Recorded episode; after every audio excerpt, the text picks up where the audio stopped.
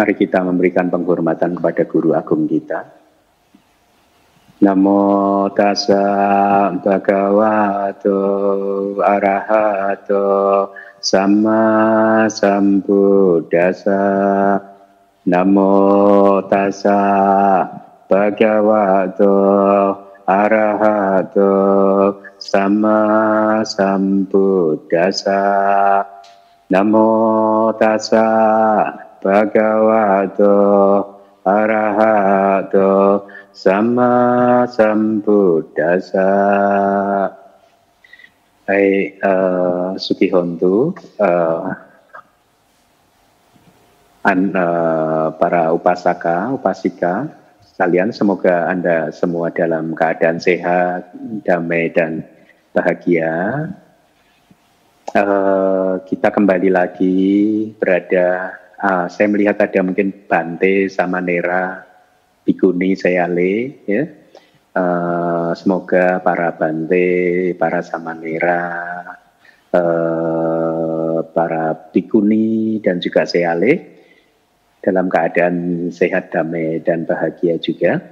Ya, kita kembali berada di hari Minggu pagi yang seharusnya penuh dengan blessing, penuh dengan berkat ya. Kenapa? Karena kita sebentar lagi akan mendapatkan kesempatan untuk mendengarkan kata-kata Buddha, ya. Kelas Pariyati Sasana ini didesain semaksimal mungkin untuk uh, mempelajari kitab suci. Sehingga dengan demikian saya dan Anda semua mendapatkan uh, apa berkat yang sangat besar karena saya mendapat kesempatan untuk menyampaikan kata-kata Buddha, Anda mendapat kesempatan untuk mendengarkannya. Semoga apa yang akan kita lakukan dalam satu dua jam ke depan ini bisa menjadi kondisi untuk pencapaian nibana kita masing-masing. Nah, pagi hari ini saya akan menyampaikan uh, suta yang baru, yaitu Mahago Palaka Suta. Ya, uh, dengan penuh sukacita saya menyampaikan suta ini kepada anda. Kenapa? Karena minimal ada dua alasan. Ya, alasan yang pertama adalah bahwa saya ingin menyampaikan kepada anda bahwa meditasi itu tidak semudah seperti yang mungkin Anda dengar teknik meditasi di dalam melihat hanya ada yang melihat, di dalam mendengar hanya ada yang mendengar dan seterusnya. Tidak semudah itu. Loh, tapi itu kan diajarkan Buddha betul.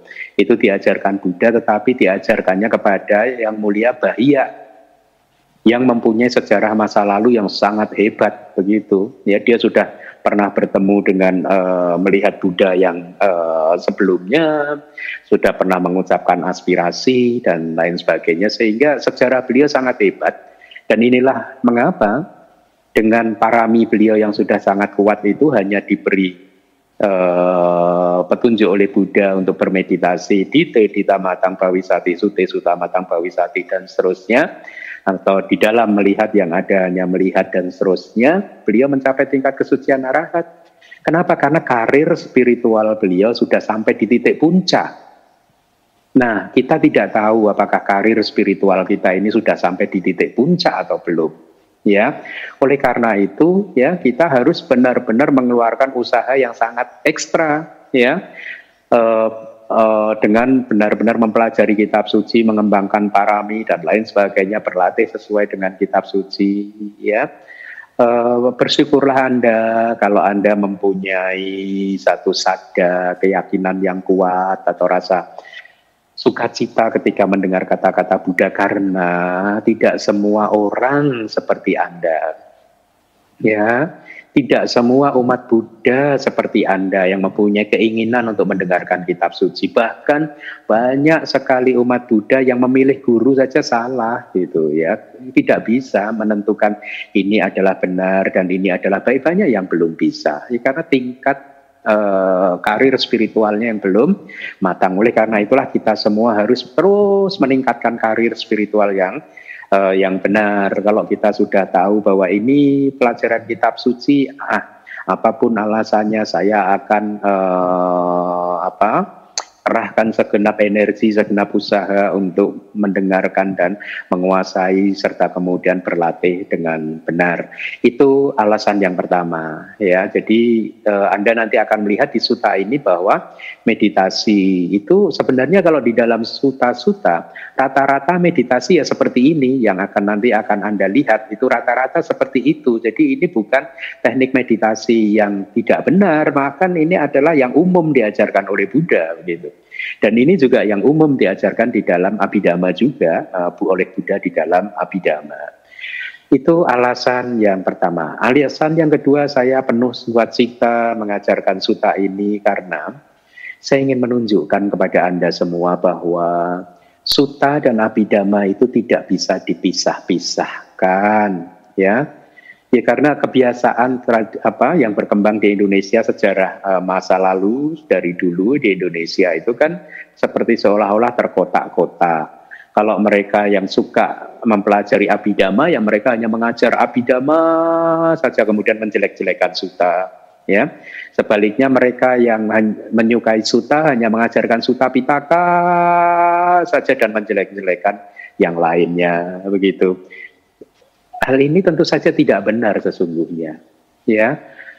Karena yang namanya kitab suci kita itu tik pitaka, tiga keranjang. Ya ini tiga keranjang ini harus dipelajari semua, harus dikuasai semua, dan harus disampaikan semua. Dan ini tidak bisa dipisah-pisahkan. Ya artinya Anda hanya mengajar abidama saja tanpa memahami suta, nggak bisa. Karena ini saling melengkapi atau sebaliknya Anda mengajarkan suta saja tanpa mengajarkan abidama juga tidak bisa karena ini tidak terpisahkan, karena ini saling melengkapi. Siapa pun yang hanya mencoba mengajarkan abidama saja, maka dia tidak akan pernah bisa mengajarkan secara lengkap ajaran Buddha. Sebaliknya juga demikian, siapa pun yang hanya mengajarkan sutanta saja juga tidak akan pernah bisa e, mengajarkan ajaran Buddha secara lengkap. Ya, Contohnya ini, suta ini. Sebenarnya saya bisa memberikan banyak contoh ya tentang bagaimana seseorang yang tidak paham abidama akhirnya juga tidak akan bisa mengajarkan suta secara utuh. Meskipun mereka jatuh apa sangat suka dengan suta, tapi karena tidak mempunyai pengetahuan abidama, maka interpretasi dia terhadap suta pun menjadi sangat terbatas. Dan ketika interpretasi yang terbatas ini disampaikan, yang rugi siapa? Yang rugi yang mendengarkan karena tidak mendapatkan ajaran secara lengkap, secara penuh. Ajarannya didiskon, dipotong-potong, dikorting, begitu. Ya, nah eh, saya sudah menulis banyak buku dan saat ini pun saya sedang menerjemahkan banyak suta dan komentar-komentarnya sehingga confirm saya yakin ya apa yang saya yakini adalah bahwa kalau seandainya pun ini sering kali sudah saya sampaikan, seandainya pun Anda memahami bahasa Pali, tetapi Anda tidak paham Abhidhamma, Anda tetap saja tidak akan bisa membaca Tripitaka, kitab komentar dan subkomentarnya secara utuh. Ya, karena itulah Tripitaka ini satu kesatuan, jangan dipisah-pisahkan. Ya, e, kalau Anda adalah guru dhamma, maka pelajarilah semuanya. Ya, karena sering kali suta pun sesungguhnya disampaikan dari sudut pandang abidama. Contohnya adalah suta Maha Gopalaka Suta yang akan kita dengarkan uh, bersama-sama pagi hari ini. Jadi, kalau Anda memilah-milah, maka yang rugi siapa? Yang rugi Anda sendiri. Kalau Anda memilah, memisahkan suta dan abidama, saya hanya mau belajar abidama saja, nggak mau belajar suta, atau sebaliknya saya hanya suta saja sudah cukup, tidak uh, tidak perlu abidama. Yang rugi siapa? Anda. Yang rugi Anda, gitu ya. Saya bahkan dalam uh, semacam ini ya untuk menyampaikan sesuatu apa ya uh, for the sake of joke gitu ya. Saya itu sering mengatakan seharusnya kalaupun ada orang yang menolak abidama, itu yang berhak untuk menolak abidama itu orang-orang seperti maaf saya yang sudah mempelajari abidama. Saya sudah belajar abidama secara lengkap dan kemudian saya temukan bahwa ini nggak benar. Nah, jadi ada alasan yang kuat untuk menolak abidama. Tetapi kalau seseorang menolak abidama tanpa pernah sebelumnya mempelajari, jadi itu agak aneh. Jadi sekali lagi, mumpung kita lahir sebagai manusia, maka manfaatkanlah kelahiran ini dengan uh, semaksimal mungkin, pelajarilah Tipitaka secara menyeluruh ya, jangan sampai kelahiran ini malah membawa kita ke dalam situasi yang rugi karena tidak mempelajari Tipitaka secara lengkap. Dulu uh, ketika masih di Myanmar, saya mendengar kalimat yang ada di kitab komentar Damasanggani gitu ya. Uh, Damasanggani itu adalah kitab Abhidhamma Pitaka yang pertama. Kalimatnya itu begini Abhidhamika Abhidhamika biku yewa dhamma katika nama ya. Awasesa dhamma katang katen katen tapi na dhamma katika jadi ab, abhidhamika hi biku yewa. Ya. Sesungguhnya ya hanya seorang biku tapi sebelumnya ini saya minta maaf ya kalau menyampaikan ini. Ini dari kitab komentar dari kitab-kitab kita bukan dari Bante Keminda tapi saya punya poin kenapa saya akan sampaikan ini? Ya saya ulangi lagi. Abidamika hi biku yewa dama katika nama. Sesungguhnya hanya seorang biku yang menguasai abidama yang bisa dinamakan sebagai seorang pembabar dhamma.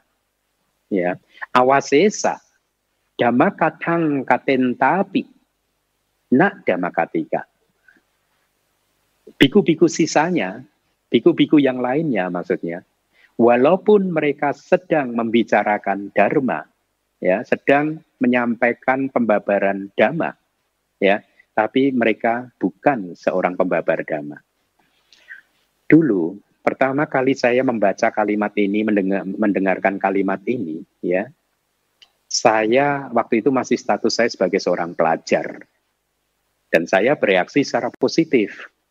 Meskipun pada saat itu saya belum memahami abidama, saya mencoba bereaksi secara positif. Dalam artian, kalimat ini tidak mungkin ditulis dengan tanpa maksud.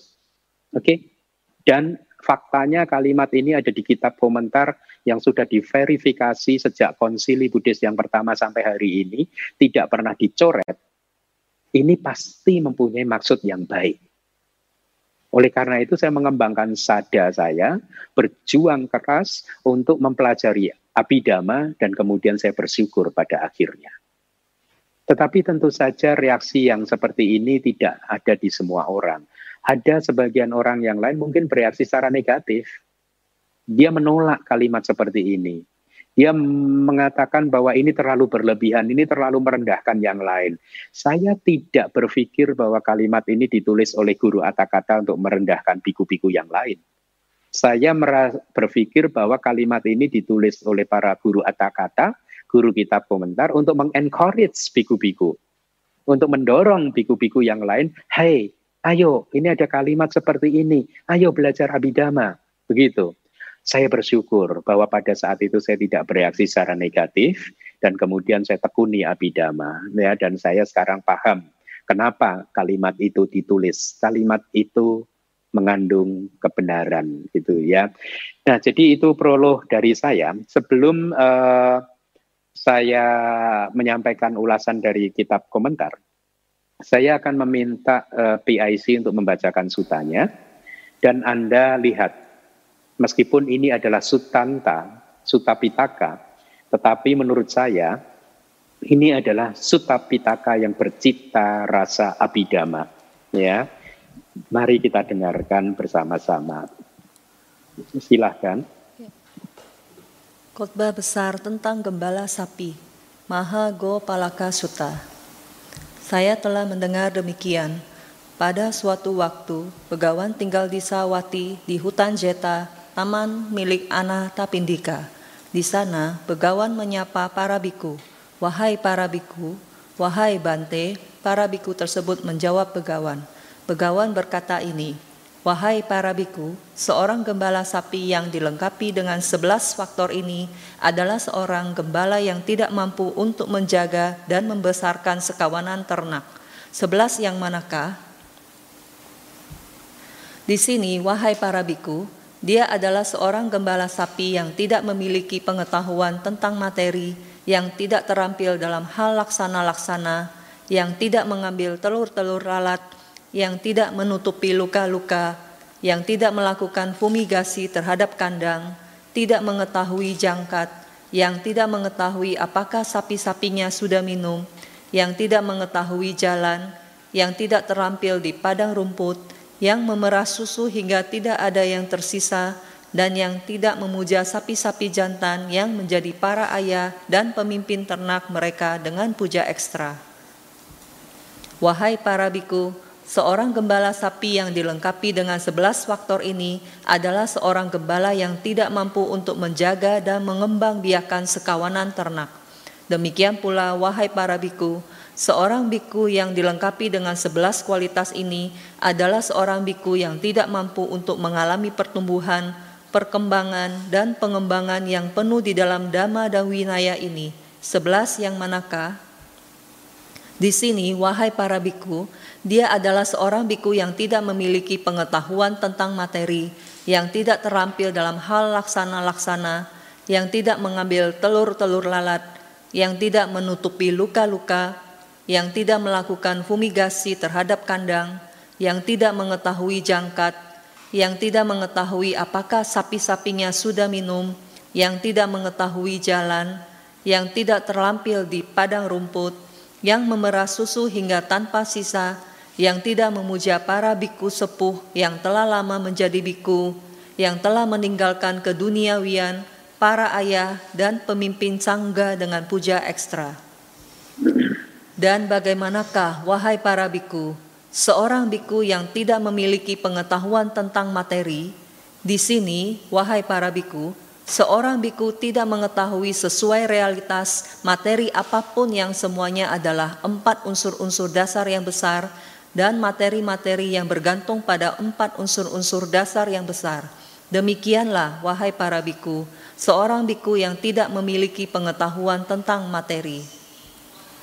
Dan bagaimanakah, wahai para biku, seorang biku yang tidak terampil dalam hal laksana-laksana? Di sini, wahai para biku, seorang biku tidak mengetahui sesuai realitas bahwa seorang yang bodoh ditandai oleh perbuatannya atau kama, seorang yang bijaksana ditandai oleh perbuatannya. Demikianlah wahai para biku, seorang biku yang tidak terampil dalam hal laksana-laksana. Dan bagaimanakah wahai para biku, seorang biku yang tidak mengambil telur-telur lalat? Di sini wahai para biku, Ketika pikiran sensual telah muncul, seorang biku menahannya, dia tidak meninggalkannya, tidak mengusirnya, tidak menghilangkannya, tidak menghentikannya secara total. Ketika pikiran yang disertai dengan niat jahat telah muncul, dan seterusnya. Ketika pikiran yang disertai dengan kekejaman telah muncul, dan seterusnya. Ketika pikiran tentang dama-dama yang jahat dan tidak baik telah muncul, seorang biku menahannya, dia tidak meninggalkannya, tidak mengusirnya, tidak menghilangkannya, tidak menghentikannya secara total. Demikianlah, wahai para biku, seorang biku yang tidak mengambil telur-telur lalat. Dan bagaimanakah, wahai para biku, seorang biku yang tidak menutupi luka-luka? Di sini, wahai para biku, Ketika melihat objek bentuk, seorang biku terpikat pada tanda dan ciri-cirinya.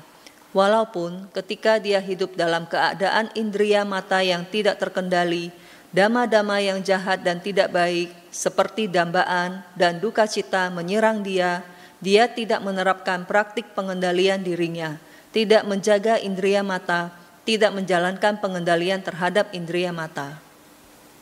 Ketika dia mendengarkan suara dengan telinga, dan seterusnya.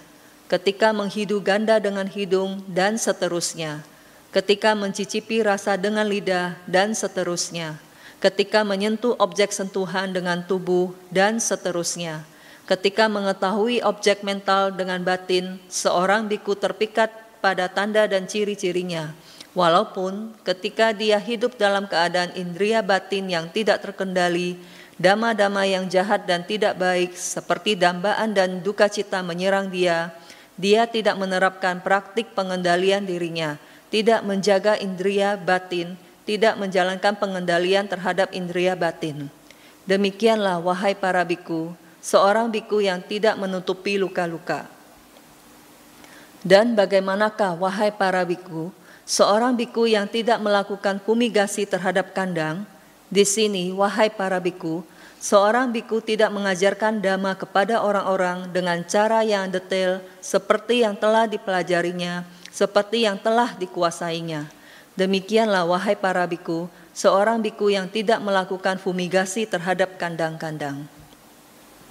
Dan bagaimanakah wahai para biku, seorang biku yang tidak mengetahui jangkat, di sini, wahai para biku, seorang biku setelah dari waktu ke waktu mendekati biku-biku yang sangat terpelajar, yang telah mempelajari empat nikaya di Sutta Pitaka, yang hafal dama, dama dara, yang hafal winaya, yang hafal undang-undang, matika dara, dia tidak bertanya, tidak mengajukan pertanyaan, bagaimanakah ini wahai Bante, apakah artinya, yang mulia tidak membuka apa yang belum terbuka untuknya, tidak menjelaskan apa yang belum jelas baginya, tidak melenyapkan keraguan terhadap dama-dama yang pantas untuk ditempati oleh keraguan.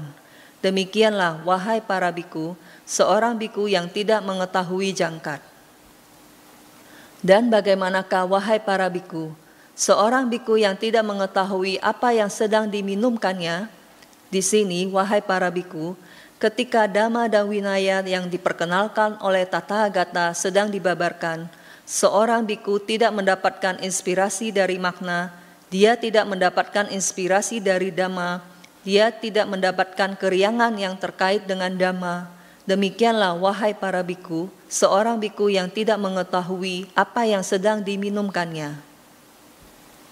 Dan bagaimanakah wahai para biku, seorang biku yang tidak mengetahui jalan, di sini, wahai para biku, seorang biku tidak mengetahui jalan mulia berunsur delapan sesuai dengan realitas. Demikianlah, wahai para biku, seorang biku yang tidak mengetahui jalan. Dan bagaimanakah, wahai para biku, seorang biku yang tidak terampil di padang rumput, di sini, wahai para biku, seorang biku tidak mengetahui empat fondasi untuk perhatian penuh sesuai dengan realitas. Demikianlah, wahai para biku, seorang biku yang tidak terlampil di padang rumput.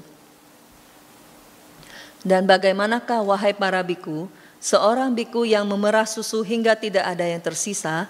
Di sini, wahai para biku, ketika para perumah tangga yang memiliki keyakinan mempersilahkan seorang biku untuk mengambil jubah-jubah, makanan derma, tempat-tempat tinggal, kebutuhan pokok berupa obat-obatan, biku tersebut tidak tahu batas dalam pengambilannya. Demikianlah wahai para biku, seorang biku yang memerah susu hingga tidak ada yang tersisa.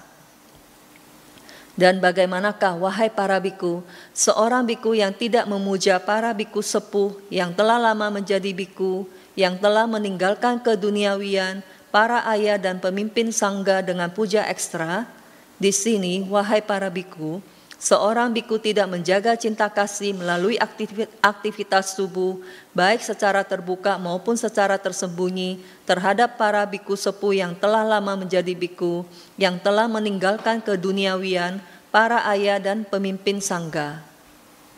Tidak menjaga cinta kasih melalui aktivitas lisan, baik secara terbuka maupun secara tersembunyi, terhadap para biku sepuh yang telah lama menjadi biku, yang telah yang telah meninggalkan keduniawian, para ayah dan pemimpin sangga tidak menjaga cinta kasih melalui aktivitas mental, baik secara terbuka maupun secara tersembunyi terhadap para biku sepuh yang telah lama menjadi biku, yang telah meninggalkan keduniawian, para ayah dan pemimpin sangga.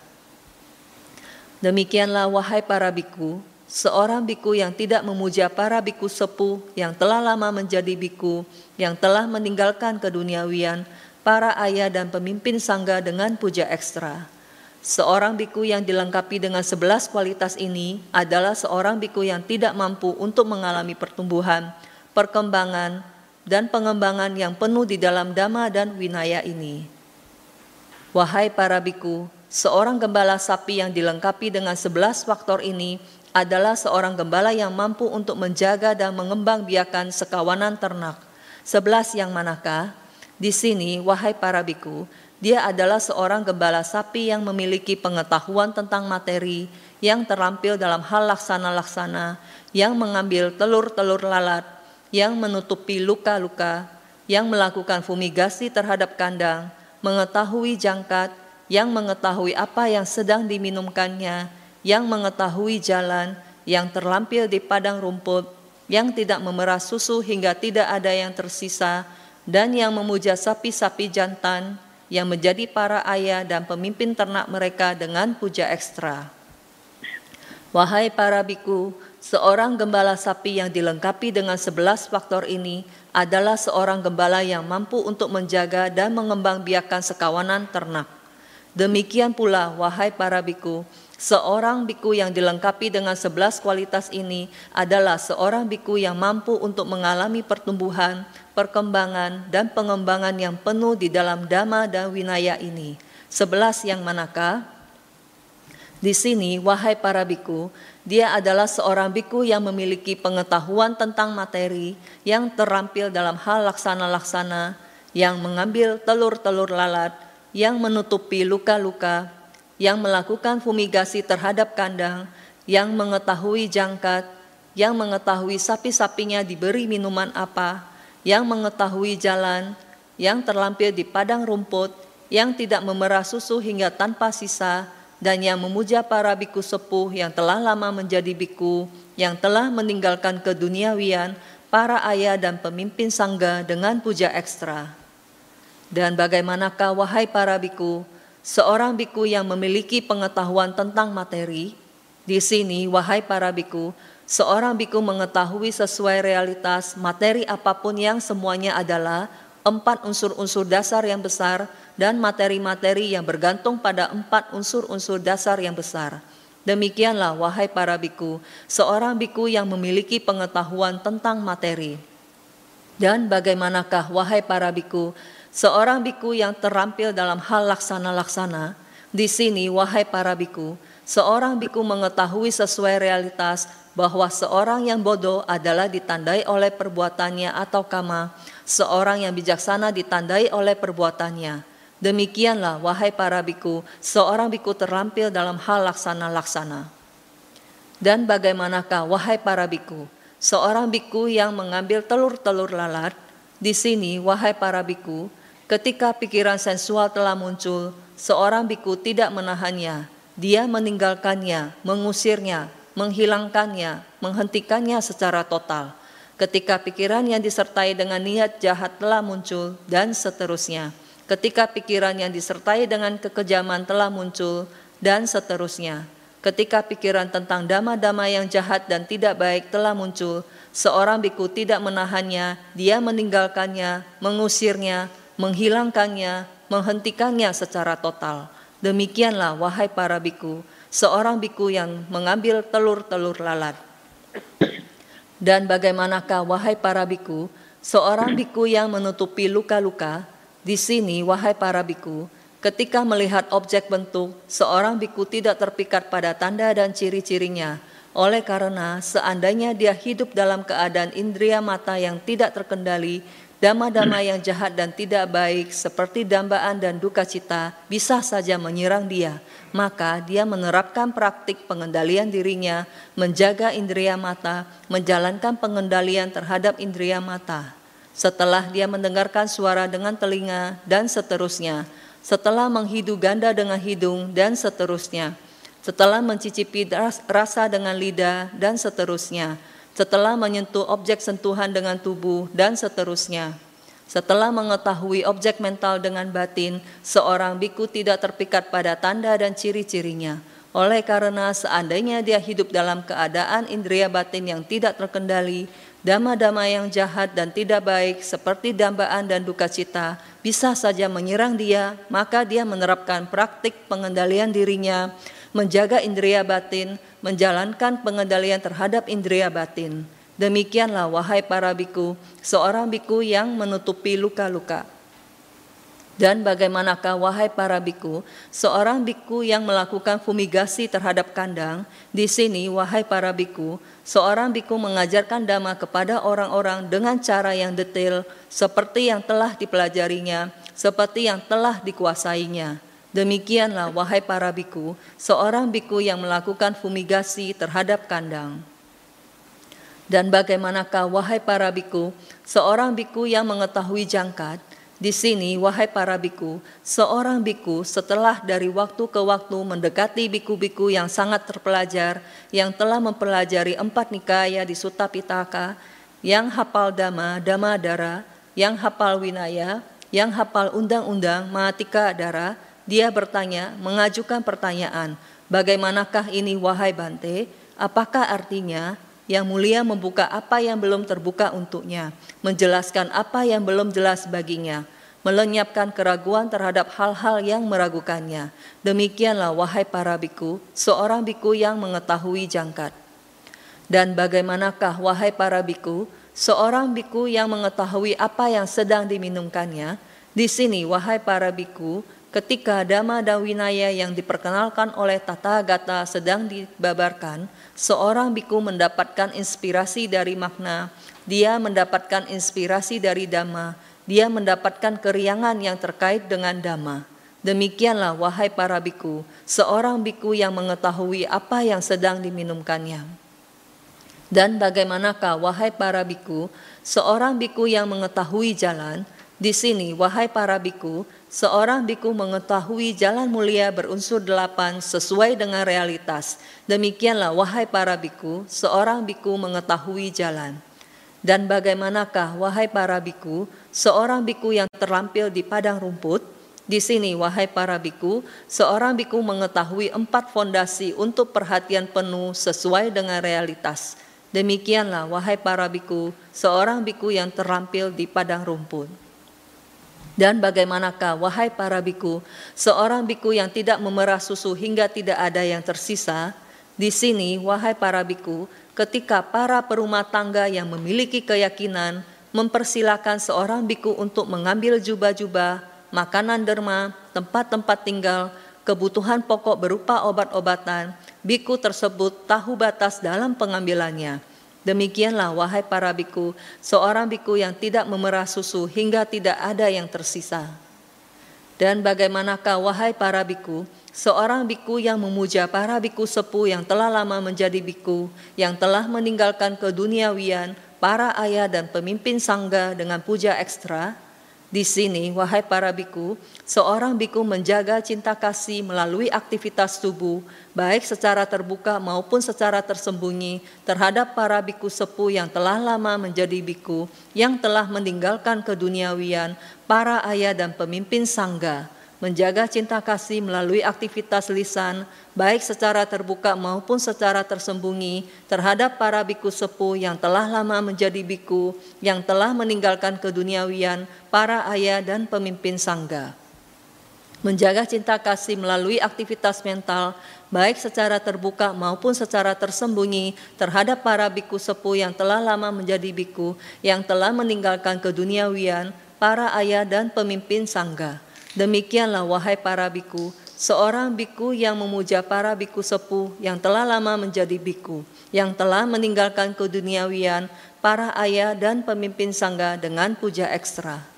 Seorang biku yang dilengkapi dengan sebelas kualitas ini adalah seorang biku yang mampu untuk mengalami pertumbuhan, perkembangan, dan pengembangan yang penuh di dalam dhamma dan winaya ini. Itulah yang begawan katakan, Para biku tersebut senang dan gembira dengan apa yang telah dikemukakan oleh begawan. Mahago Palaka Sutam Nititam Tatiang. Baik, uh, terima kasih kepada Halim. Itu tadi sutanya, ya. Nanti uh, dari sutanya saja Anda yang paham abidama sudah bisa mengerti bahwa suta ini sangat bercirikan abidama. Dan kembali lagi, eh, bagi mereka yang tidak memahami abidama, pasti nanti eh, pasti juga akan kesulitan bahkan hanya untuk memahami sutanya saja begitu. Apalagi nanti memahami penjelasan dari kitab komentar ya. Bagi Anda nanti kalau mendapatkan kesulitan menjela, mendengarkan penjelasan-penjelasan dari kitab komentar ya uh, jangan berkecil hati ya karena mendengarkan kata-kata Buddha kata-kata yang mempunyai kekuatan untuk membawa seseorang membawa kita semua untuk keluar dari samsara itu adalah berkat yang tertinggi, itu adalah berkat yang utama, ya. Bahkan hanya mendengarkannya saja itu manfaatnya pun sudah sangat besar. Saya tidak menyampaikan hal ini tanpa uh, referensi, referensinya ada. Anda bisa membaca komik atau sejarah munculnya ajaran Abhidhamma yang saya tulis. Di sana ada uh, sejarah tentang siapakah 500 murid yang Arya Sariputa yang berkesempatan untuk uh, mendengarkan pembabaran Abhidhamma dari beliau. Sejarah masa lalunya uh, yang membuat para 500 biku ini mendapatkan kesempatan yang sangat uh, bagus sekali seperti itu, yaitu menjadi seorang biku ketika Buddha Gotama masih hidup, dan tidak hanya itu, mereka menjadi muridnya yang Arya Sariputa yang mendapatkan kesempatan untuk mempelajari Abhidhamma langsung dari yang Arya Sariputa. Nah, itu adalah buah. Ya, itu ya buah gitu. Benihnya adalah ketika mereka 500 orang ini menjadi 500 kelelawar di jauh kehidupannya yang lampau, mereka adalah 500 kelelawar yang hidup di dalam satu gua yang sama. Dan pada saat itu di dalam gua tersebut tinggal seorang biku yang sedang menghafalkan Abhidhamma. 500 kelelawar tersebut hanya mendengarkannya saja. Mereka mendengarkan tanpa bisa memahaminya. Tetapi dia men mereka mendengarkannya dengan penuh keriangan, penuh kegembiraan, penuh sukacita, dan efeknya sangat hebat sekali. Akhirnya eh, karma mendengarkan tersebut berbuah berupa kelahiran sebagai seorang manusia dan menjadi seorang biku yang menjadi muridnya yang Arya Sariputa ya jadi kita Anda semua harus mempunyai keyakinan yang seperti itu ya. Jadi jangan kecil hati setiap kali Anda mempelajari kitab suci kok terasa sulit sekali gitu ya. Ya memang kitab sucinya seperti itu. Kalau memang mudah maka kita semua sudah tidak ada di samsara lagi. Kita sudah masuk ke nibana ya faktanya sampai hari ini kita masih di sini ya memang sulit untuk bisa merealisasi damak yang sejati itu, untuk bisa merealisasi realitas-realitas hakiki itu tidak mudah begitu ya. Nah, eh, tadi di sutanya ada kalimat saya minta PIC untuk menampilkannya di layar slide pertama ya. Eh, ya, seorang gembala sapi yang tidak uh, mempunyai, tidak memiliki uh, pengetahuan tentang materi. Itu tadi di suta. Jadi uh, untuk menyegarkan ingatan Anda, suta ini bercerita tentang uh, seorang sebenarnya Buddha ingin menyampaikan uh, poin bahwa seorang biku yang tidak memiliki 11 kualitas maka dia tidak akan bisa berkembang. Itu ya yang tidak dilengkapi dengan 11 kualitas maka mereka tidak akan bisa berkembang. Tapi Buddha dengan skillfully dengan sangat terampil memberikan ilustrasi dengan memakai perumpamaan seorang gembala sapi, go gitu ya. Se, uh, dengan mengatakan seorang gembala sapi yang tidak mempunyai 11 kualitas ini, maka dia tidak akan bisa uh, sukses di dalam penggembalaan sapinya gitu ya. Tidak akan berkembang begitu ya. Yang pertama tadi adalah seorang gembala sapi yang tidak memiliki pengetahuan tentang materi materi ini bahasa palinya adalah rupa, rupa. Nah ini berbicara tentang diri kita sesungguhnya.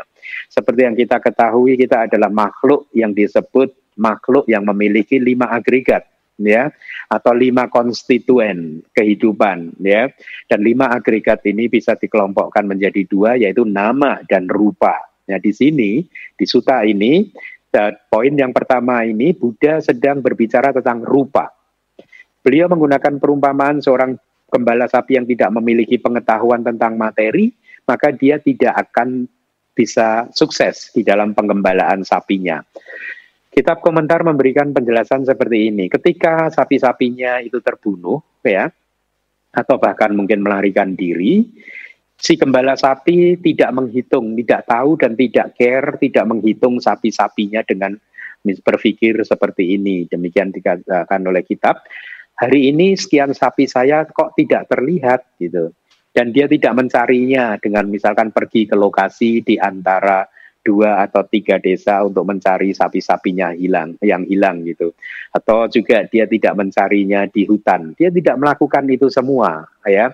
Itu yang dikatakan seorang gembala sapi yang seperti ini tidak memiliki pengetahuan tentang materi dia tidak akan atau bisnisnya tidak akan tumbuh tidak akan berkembang jadi bahkan ketika sapi-sapi orang lain, ya tetangga-tetangganya memasuki kumpulan sapi-sapi dia, masuk ke kandang sapi miliknya, dia juga tidak menghitung uh, sapi-sapi tersebut ya, dengan berpikir seperti ini misalkan, oh sapi-sapi sebanyak ini sesungguhnya bukan milik saya, gitu ya.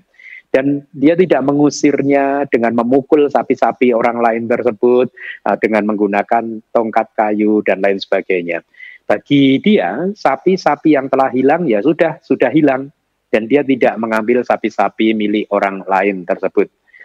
Para pemilik uh, dan dia mengambil maksud saya. Dan kemudian para pemilik sapi tetangga-tetangganya melihat bahwa sapi-sapi mereka ternyata ada di uh, yang sedang mengembara ada di kandangnya dia, maka mereka menjadi marah. Mereka mengancam si gembala sapi tadi dengan berkata, oh orang ini telah mengambil sapi kami gitu ya selama sekian waktu gitu. Mereka telah mengambil sapi-sapinya uh, mereka uh, artinya orang tetangga-tetangganya kemudian dengan paksa mengambil sapi-sapinya dari kandang si gembala sapi dan kemudian meninggalkan si gembala sapi sendirian. Jumlah uh, sapi milik dia pun akhirnya berkurang karena sebagian tadi hilang. Dia menjadi orang yang dipisahkan dari orang yang menikmati lima hasil sapi. Artinya karena bisnisnya gagal seperti itu, akhirnya dia tidak mendapatkan hasil dari penggembalaannya. Di kitab komentar diberikan perumpamaan, dia tidak menikmati lima jenis hasil dari sapi. Jadi kalau di zaman India, di, uh, bahkan mungkin di zaman sekarang pun masih ada, Eh, orang-orang India sangat menghormati sapi karena minimal sapi itu bisa menghasilkan lima kualitas yang bisa dinikmati oleh manusia, yaitu yang pertama susu, ya, kemudian dadih, ya, kemudian minyak samin itu katanya juga berasal dari sapi, mentega dan juga uh, susu yang masam begitu ya. Dia tidak bisa mendapatkan hasil yang ini karena sapi-sapinya pada hilang itu tadi gitu ya. Nah, Uh, gembala sapi yang tidak memiliki pengetahuan materi, dia tidak mengetahui materi berdasarkan jumlah angkanya, yaitu sapinya ada berapa, ada berapa, yang hilang ada berapa, jumlah angkanya dia tidak tahu. Jadi ini menarik karena jumlah angka ini nanti juga akan dijelaskan oleh kata-kata acarya sebagai seorang biku yang tidak bisa menghitung eh, materi-materi uh, yang ada di dalam tubuhnya gitu, ya nanti akan jelas gitu. Dan kemudian juga uh, uh, tidak bisa menghitung materi berdasarkan penampakannya. Ini juga perumpamaan untuk seorang biku yang tidak bisa mengenali materi ini lahir dari karma, materi ini lahir dari cita atau dan lain sebagainya. Begitu ya. Nah, penjelasannya adalah yang pertama, seorang uh, gembala sapi yang tidak mengetahui materi berdasarkan angkanya itu adalah dia tidak mengetahui kalkulasi angkanya apakah dia punya 100 sapi atau dia punya 1000 sapi dan seterusnya ya. Jadi itu semua tadi adalah perumpamaan yang dipakai oleh Buddha untuk menggambarkan seorang biku yang tidak mempunyai pengetahuan tentang rupa, maka dia tidak akan bisa berkembang gitu ya. Nah, penjelasannya adalah seorang biku yang tidak memiliki pengetahuan tentang rupa atau tentang materi adalah seperti ini. Jadi biku tersebut tidak mengetahui dua kualitas materi berdasarkan jumlah angkanya dan berdasarkan sumbernya. Lihat. Jadi seorang biku tidak mengetahui dua kualitas materi bahwa ini ada di keseluruhan tubuh kita baik yang internal maupun tubuh orang lain maupun materi-materi yang tidak disertai dengan uh, kesadaran uh, naka ya yaitu seperti meja, komputer dan lain-lain sebagainya. Semua materi yang tidak disertai dengan apa uh, kesadaran tersebut maupun materi-materi yang disertai dengan kesadaran seperti tubuh jasmani kita, tubuh jasmani orang lain atau yang eksternal makhluk-makhluk eksternal itu sesungguhnya bisa dibedakan di dalam dua kualitas besar. Kualitas yang pertama adalah maha buta. Seorang biku tidak tahu bahwa ini maha buta bukan hanya tahu teori. Tahu teori adalah langkah yang pertama, ya. Itu adalah fondasinya, mengetahui teorinya. Tetapi pengetahuan teori yang menjadi fondasi ini harus dipakai sebagai peta spiritual untuk bermeditasi, ya. Jadi tidak hanya seorang biku tidak mengetahui secara teori bahwa materi itu dibedakan menjadi dua kualitas besar, yaitu empat maha buta atau yang sering diterjemahkan secara bebas menjadi empat elemen besar. Sesungguhnya itu bukan terjemahan yang tepat untuk maha buta. Uh, terjemahan yang besar, uh, benar adalah unsur-unsur dasar yang besar. Karena empat unsur dasar yang besar ini adalah materi yang menjadi semacam landasan bagi kualitas materi jenis yang kedua. Ya, empat unsur dasar yang besar itu adalah elemen tanah, elemen air, elemen api, dan elemen angin, gitu ya. Nah, tetapi selain yang empat ini ada kualitas satu kelompok besar lagi materi yang ada di dalam satu kelompok yang disebut materi-materi yang bergantung pada empat unsur-unsur dasar yang besar. Jumlahnya ada 24. Nah, seorang biku yang tidak mengetahui ini tidak akan bisa berkembang. Lihat, apakah Buddha menyampaikan hal ini tidak serius? Tentu serius, karena beliau serius. Lalu apa yang harus kita lakukan? Ya kita harus berjuang untuk memahami secara teori terlebih dahulu 28 materi itu apa, dan kemudian kita tembus melalui meditasi kita. Nah, di mana kita bisa mempelajari 28 jenis rupa atau materi tersebut? tidak lain dan tidak bukan hanya di abidama.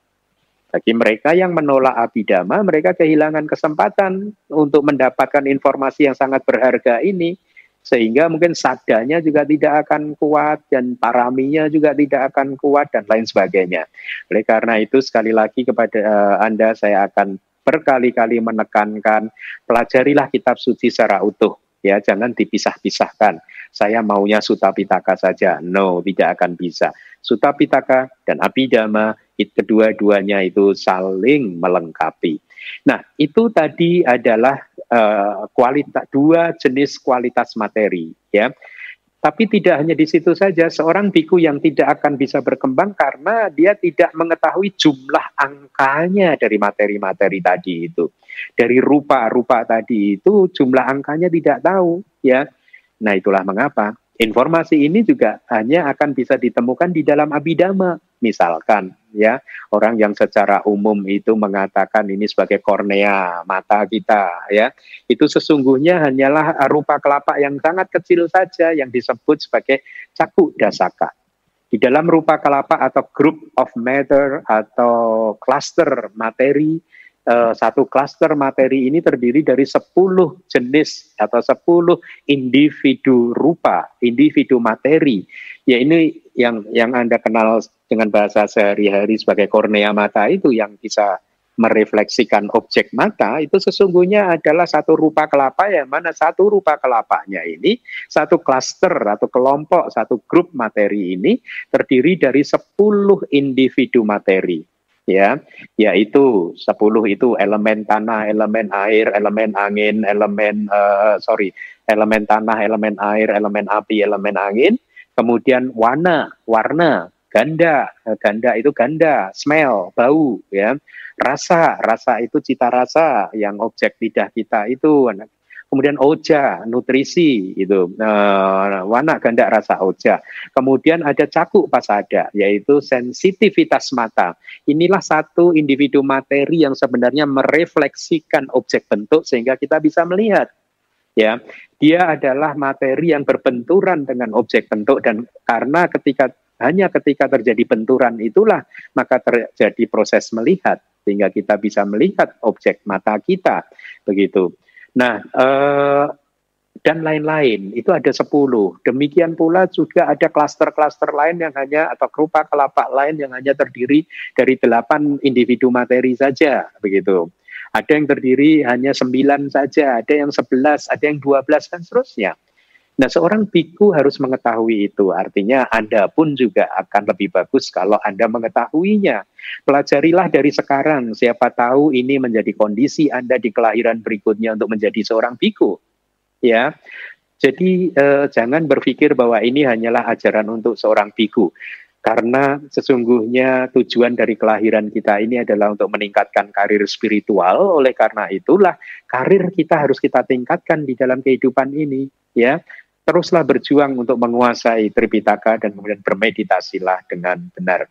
Nah, kembali lagi ke kitab komentar. Jumlah angkanya kita juga harus mengetahui dan juga kita harus tahu materi-materi ini bersumber dari mana gitu ya. Dan Nabi Dhamma mengajarkan bahwa ada empat asal mula materi atau sumber materi. Yang pertama adalah materi yang lahir dari karma atau bersumber dari uh, dari karma atau kama atau perbuatan kemudian materi yang mempunyai asal mula atau bersumber dari uh, cita atau kesadaran. Kemudian yang ketiga sumber materi itu adalah temperatur. Kemudian yang ke atau utuk bahasa palinya. Kemudian yang keempat adalah makanan, sari makanan, ahara. Jadi ada empat sumber atau asal usul materi, tempat uh, yang membentuk eh, materi-materi uh, tertentu gitu ya. Nah, jadi seorang biku Anda juga seyogyanya mengetahui hal tersebut. Ya, Buddha mengatakan seorang biku yang tidak mengetahui hal ini maka dia tidak akan bisa berkembang. Ya, itu adalah ungkapan yang pasti Buddha really mean it. Ya, benar-benar beliau mengatakan ini untuk mendorong kita semua untuk uh, bisa mengetahui materi-materi yang ada baik di dalam tubuh kita maupun di dalam tubuh orang lain. Nah, kita lanjutkan. Yang disebut sebagai tidak mengetahui materi eh, berdasarkan jumlah angkanya adalah dia tidak mengetahui juga selain yang tadi sudah saya jelaskan, dia tidak mengetahui kalau di kitab komentar disebutkan 25 bagian materi. Ya. 25 bagian materi ini kalau dihitung sesungguhnya 27 ya. 27 uh, uh, kalau di Abhidhamma mengajarkan ada 28 dari 28 itu yang tidak ada adalah elemen air gitu ya. Jadi disebutkan jumlah angkanya 25 bagian materi ini dari kitab komentarnya. Apa saja itu? Yaitu landasan indriawi mata landasan indriawi telinga hidung lidah tubuh kemudian objek-objeknya. Landasan indriawi objek bentuk kemudian landasan indriawi suara, landasan indriawi ganda, landasan indriawi rasa, dan landasan indriawi objek sentuhan. Objek sentuhan ini terdiri dari tiga jenis materi uh, elemen, uh, tiga elemen kecuali elemen air, ya.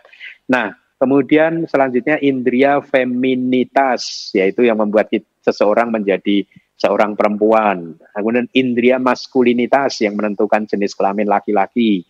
Indria nyawa. Jadi di dalam tubuh jasmani kita ada nyawanya juga. Tidak hanya batin saja yang mempunyai nyawa, tapi tujuh, tubuh jasmani kita ini uh, juga mempunyai nyawa.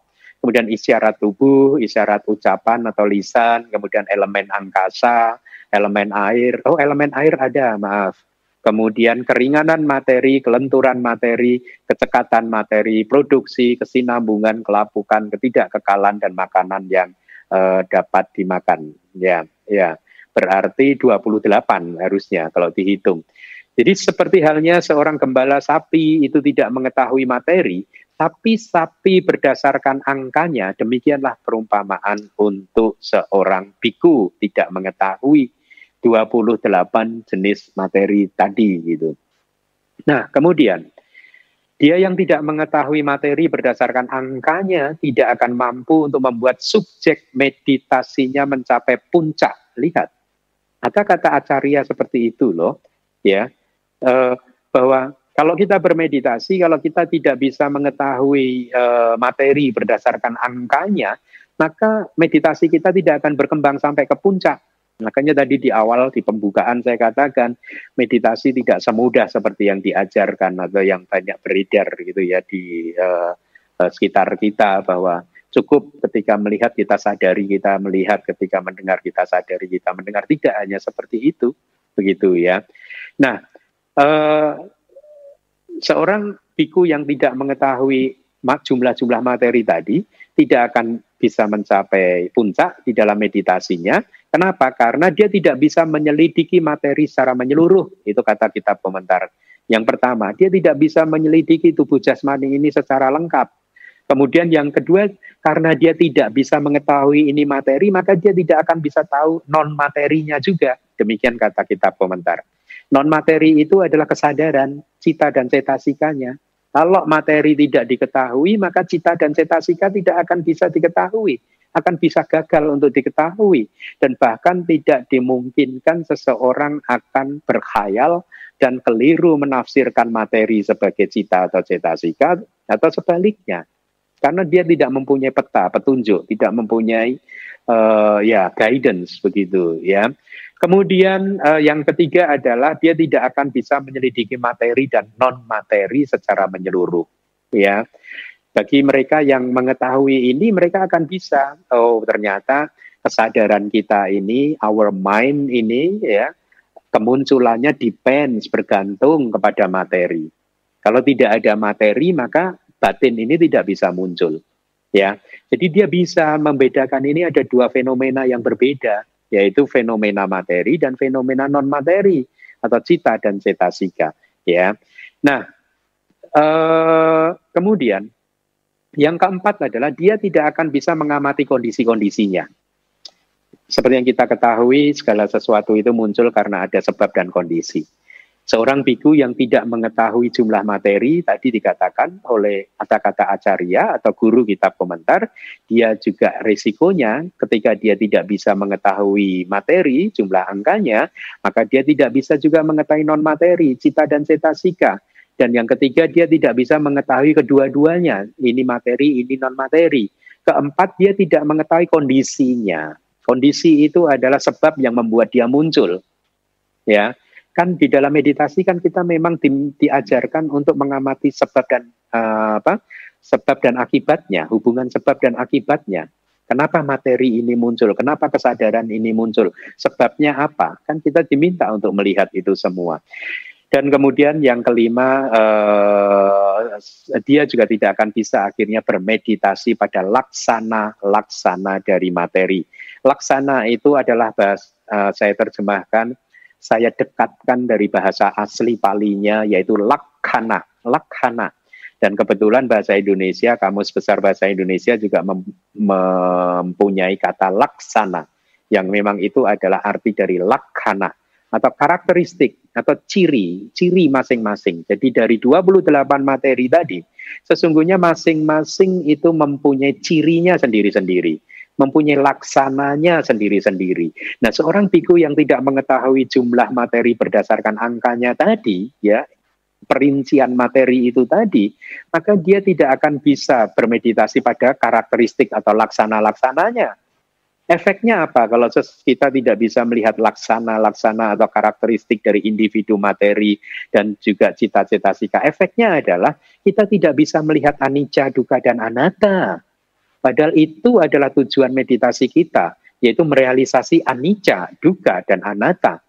Nah, anicca, duka, dan anatta baru bisa direalisasi kalau kita bermeditasi pada laksana-laksana, baik itu laksana untuk rupa ataupun laksana untuk nama, gitu. Karakteristik-karakteristiknya, gitu.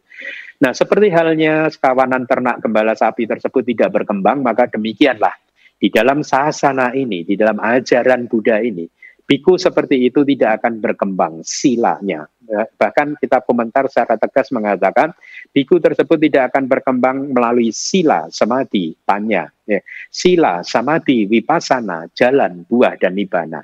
Ya, jadi seorang biku tidak akan berkembang silanya, samadhinya, wipasananya, jalan, buah, dan nibana. Begitu kata kitab komentar. Dan seperti halnya gembala sapi tersebut yang dipisahkan dari orang yang menikmati lima hasil dari sapi, ya susu dan seterusnya tadi, demikianlah biku tersebut juga tidak akan bisa menikmati lima jenis agregat dhamma, ya lima dhamma kanda, lima jenis agregat kanda. Apa saja itu? Yaitu yang pertama, yaitu sila seorang arahat. Dia tidak akan bisa mencapai tingkat kesucian arahat akhirnya konsentrasi seorang arahat yang kedua, kebijaksanaan seorang arahat, pembebasan seorang arahat, dan pengetahuan yang muncul dari pembebasan tersebut gitu ya. Nah, kita lanjutkan. Yang dinamakan dia tidak mengetahui materi berdasarkan penampakan adalah dia tidak mengetahui seperti ini. Oh, sapi yang berwarna sapi saya yang berwarna putih ada sebanyak ini. Sapi saya yang berwarna merah ada sebanyak ini. Sapi yang berwarna hitam ada yang sebanyak ini. Sapi uh, sebanyak ini sapi yang di tubuhnya ada bintik-bintiknya gitu. Sebanyak ini uh, sapi yang uh, berwarna nila demikian kata kitab komentar. Ketika sapi-sapinya terbunuh atau melarikan diri, dia juga tidak menghitung sapi-sapinya dengan berpikir seperti ini dia pun menjadi orang yang dipisahkan dari orang yang menikmati hasil dari uh, sapi tadi. Itu adalah perumpamaan untuk seorang biku, ya. Jadi seorang biku yang demikian, dia tidak mengetahui materi berdasarkan sumbernya, ya.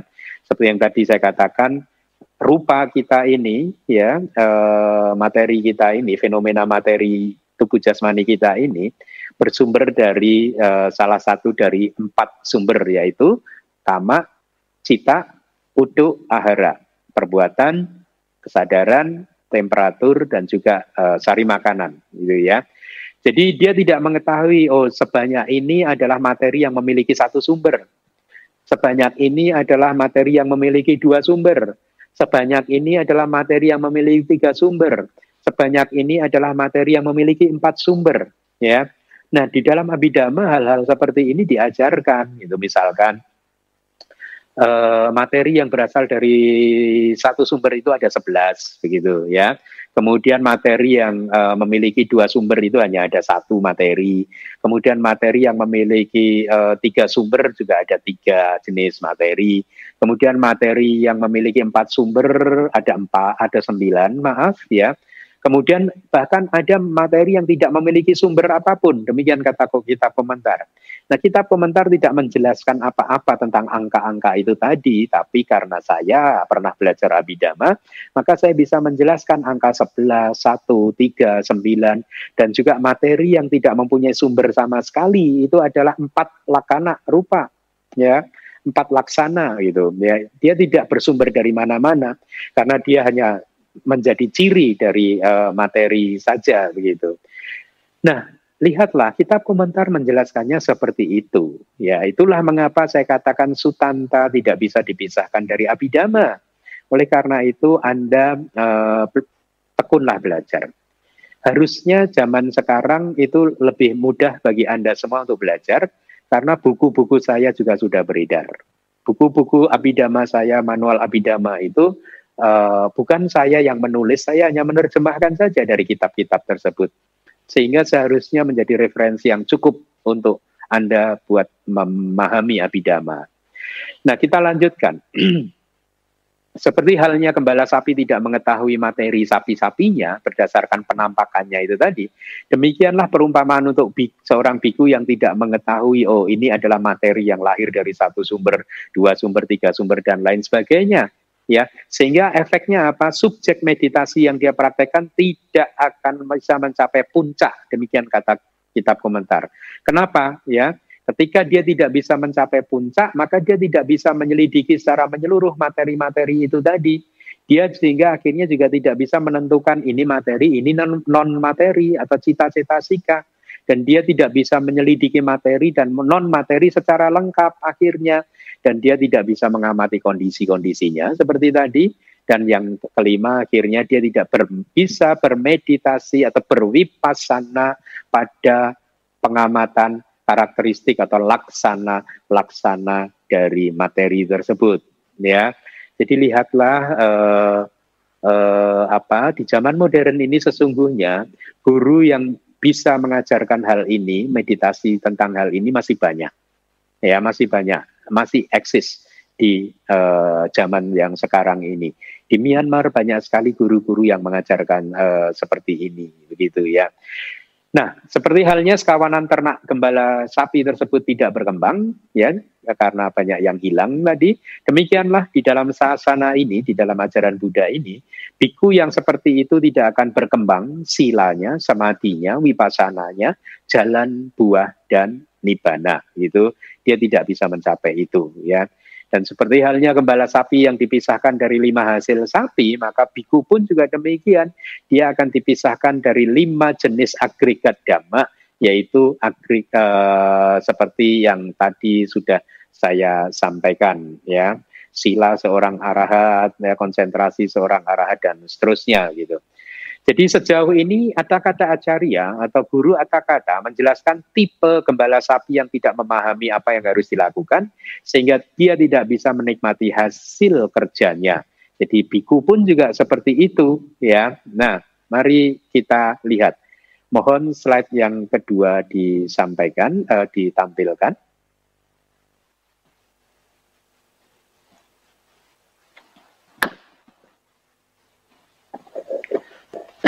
Terima kasih. Anda bisa baca. Yang kedua adalah tadi kan ada 11 kan ya. Yang kedua adalah gembala sapi yang tidak terampil dalam hal laksana-laksana atau ciri atau karakteristiknya. Jadi gembala sapi seperti ini tidak mengetahui tanda panah. Jadi kalau sapinya pernah terkena panah itu maksudnya, dia juga tidak mengetahui tanda sula. Sula itu kayak trisula itu loh, yang dari besi, yang runcing gitu. Jadi bahwa sapinya pernah terkena luka karena sula atau trisula dan lain-lain. Ya, ya, ketika sapi-sapinya terbunuh atau melarikan diri, dia tidak menghitung sapi-sapinya. Dia menjadi orang yang dipisahkan dari orang yang menikmati lima hasil dari sapi. Gitu. Nah itu adalah perumpamaan untuk seorang biku. Seorang biku yang tidak terampil uh, dalam hal laksana-laksana atau karakteristik-karakteristik adalah dia yang tidak mengetahui bahwa perbuatan baik dan perbuatan tidak baik adalah laksana atau ciri karakteristik dari orang bijaksana dan orang yang bodoh. Tadi di awal juga saya katakan kan, banyak loh umat-umat kita itu bahkan yang tidak bisa mengetahui ciri-ciri ini guru yang bijaksana, ini guru yang tidak bijaksana.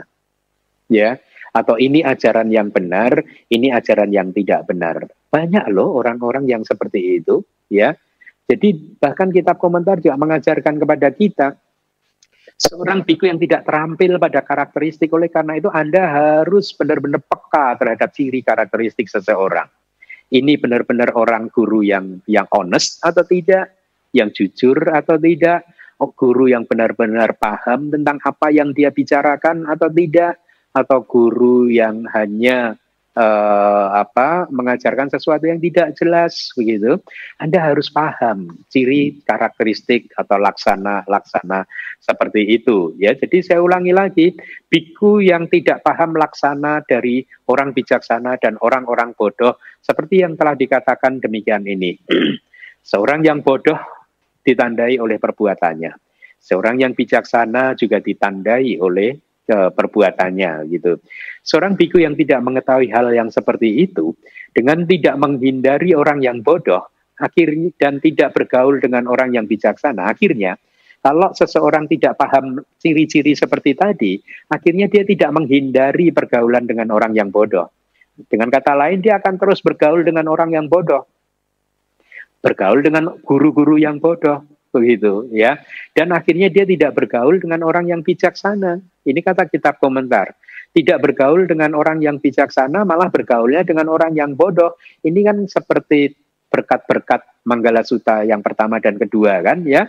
Ketika kitab komentar melanjutkan, ketika dia tidak bergaul dengan orang yang bijaksana ya, maka dia tidak akan bisa mengetahui apa yang harus dilakukan dan apa yang tidak boleh dilakukan dia juga tidak akan mengetahui perbuatan baik itu seperti apa. Kemudian perbuatan yang tidak baik itu seperti apa. Silahkan Anda membaca buku Sutanta jilid kedua yang saya tulis tentang uh, Mahakama Wibangga Suta dan Cula Kama Wibangga Suta. Di sana juga salah satu penjelasannya adalah seorang yang bodoh adalah seorang yang lah, lahir menjadi bodoh karena dia tidak pernah mau bertanya dan akhirnya tidak mengetahui perbuatan baik dan buruk, akhirnya malah lahir di neraka. Maka hati-hati di dalam zaman modern pun masih terjadi. Kalau Anda berguru dengan orang yang tidak benar, bisa jadi itu menjadi kondisi untuk kelahiran di neraka loh. Maka berhati-hatilah. Oleh karena itu yang aman bagaimana Bante? Yang aman yang mendengarkan kitab suci. Itu sudah paling aman. Ya, paling aman daripada mendengarkan ajaran dari orang-orang yang belum tercerahkan ya Ya. Nah, selanjutnya orang yang seperti itu tadi juga tidak bisa mengetahui ini adalah perbuatan yang tercela, ini adalah perbuatan yang tidak tercela. Dia tidak mengetahui bahwa ini adalah pelanggaran yang berat dan ini adalah pelanggaran yang ringan. Dia tidak mengetahui bahwa pelanggaran yang ini bisa disembuhkan. Jadi kalau di dalam Winaya Pitaka itu ada pelanggaran yang bi uh, bisa disembuhkan dalam Winaya saya itu. Jadi uh, saya mempunyai 227 peraturan itu sebagian itu kalau saya melanggar masih bisa disembuhkan. Tetapi ada pelanggaran, empat pelanggaran yang kalau saya melanggarnya udah tidak bisa disembuhkan lagi. Ada 13 pelanggaran kalau saya melakukannya, maka cara menyembuhkannya saya harus menghadap sangga. Ya, minimal 20 sangga kalau di Indonesia untuk mendeklar kesalahannya. Kemudian kalau sangga melihat uh, itu adalah kesalahan, maka saya bisa dihukum begitu ya, dihukum dengan cara sangga lah ya, hukuman yang penuh cinta kasih begitu.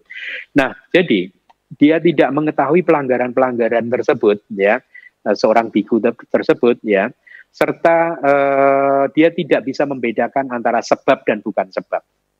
Nah, biku-biku tersebut tidak bisa membedakan antara sebab dan bukan sebab begitu ya. Jadi ini materi ini sesungguhnya adalah efek dari satu sebab dia tidak bisa melihat ini adalah fenomena yang berupa sebab yang memunculkan materi ini, dia tidak bisa melihatnya.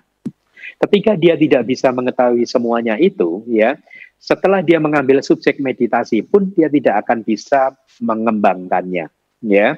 Seperti halnya sekawanan ternak milik gembala sapi tersebut tidak berkembang demikianlah.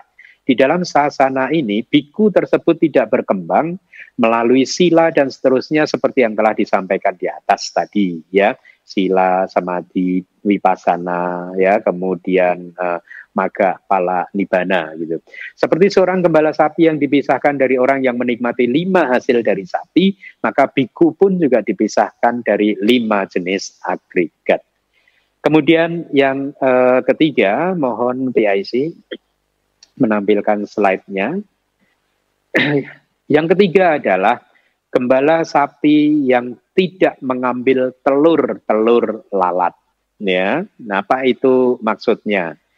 Jadi kitab komentar menjelaskan begini, ketika seekor sapi tertusuk ketika berjalan di hutan, dia tertusuk oleh tunggak pohon, katakanlah kakinya gitu, bergesekan dengan tunggak pohon. Tunggak pohon itu adalah bekas pohon yang ditebang itu loh yang masih tersisa sekian senti di atas tanah gitu ya kan kadang tajam jadi kalau ada sapi berjalan mungkin kakinya terkena itu akhirnya terluka kan ya e, atau sapi sedang berjalan kemudian tertusuk duri dan lain-lain sapi-sapi tersebut menjadi terluka pada akhirnya dan kalau luka itu didiamkan lama kelamaan lalat-lalat akan mengerubutinya luka-luka tersebut ya e, Ketika luka tersebut dikerubuti lalat, maka telur-telur lalat akan bertelur di atasnya di luka-luka tersebut. Ya, seharusnya kata kita komentar, luka tersebut harus diberi obat. Ya, tapi setelah sebelumnya telur-telur tadi diangkat dulu, disingkirkan dulu. Caranya bagaimana? Digesek-gesek dengan memakai tongkat, kata guru kata dengan memakai kayu kecil gitu mungkin dibersihkan supaya lukanya itu bersih dari telur-telur lalat begitu. Nah, seorang gembala sapi yang bodoh, demikian kata guru kitab komentar, tidak melakukan hal demikian, ya. Jadi inilah yang menjadi sumber bencana begitu, ya. Uh, anda ingat ketika kita membahas Manggala Suta berkat yang pertama, yaitu tanpa pergaulan dengan orang yang bodoh gitu. Uh, Bodhisatta waktu itu terlahir sebagai seorang yang bernama Akiti gitu ya. Dia mempunyai satu semacam resolusi bahwa di dalam kehidupan ini dan seterusnya semoga dia tidak bertemu dengan orang yang bodoh, tidak berbicara dengan orang yang bodoh, tidak bersuka cita mendengarkan nasihat-nasihat orang yang bodoh dan seterusnya dan seterusnya. Kan ketika itu kemudian ditanya, kalau tidak salah oleh Dewa Saka bahkan ya, kenapa sih kamu tidak mau bergaul dengan orang yang bodoh? Dan salah satu jawabannya karena intinya semua masalah terjadi karena kebodohan. Semua masalah problem di dalam kehidupan ini bermula dari orang yang bodoh. Jadi tidak hanya orang yang bodoh akan mendapatkan masalahnya sendiri, ya, tetapi juga mereka yang bergaul dengan orang yang bodoh akan terkena imbasnya gitu. Terkena imbasnya loh Bante kan kita makhluk yang lahir dari karma kita sendiri. Mewarisi karma kita sendiri. Kenapa hubungannya kita bergaul dengan orang bodoh kok bisa bisa mengalami bencana? Penjelasannya begini. Awal samsara kita ini sudah tidak bisa diketahui lagi ujungnya. Artinya sebenarnya di dalam rangkaian kesadaran kita ini segala jenis, segala bentuk benih-benih karma itu sudah ada. Ya, mau karma yang bagus mencapai nibana ada, karma buruk yang bisa membuat kita lahir di neraka juga ada.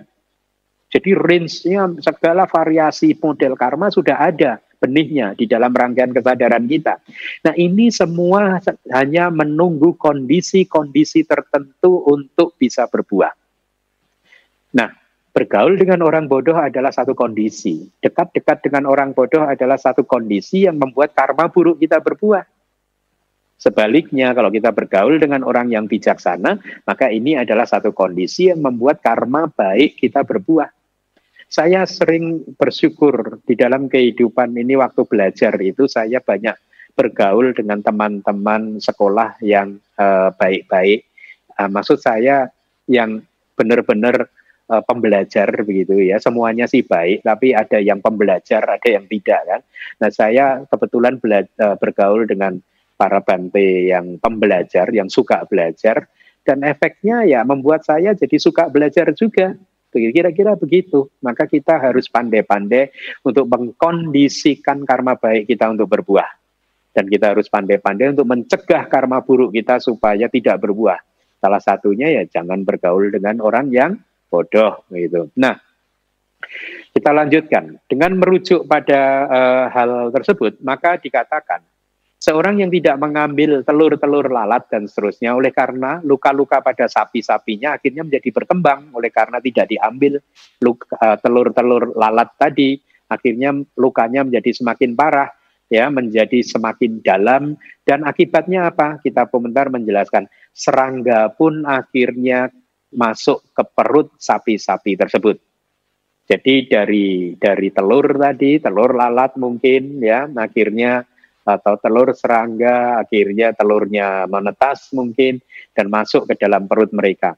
Sapi akhirnya dikuasai oleh penyakit dan tidak bisa makan rumput-rumput dengan nyaman uh, sebanyak yang dia mau. Dia juga tidak mampu untuk minum air uh, se apa uh, dengan leluasa begitu. Sehubungan dengan hal tersebut, susu sapi akhirnya terputus. Akhirnya sapinya tidak menghasilkan susu.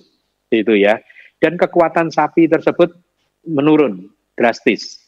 Dua hal tersebut membahayakan nyawa sapi tersebut. Jadi, jumlah sapi akhirnya pun berkurang karena mati sapinya.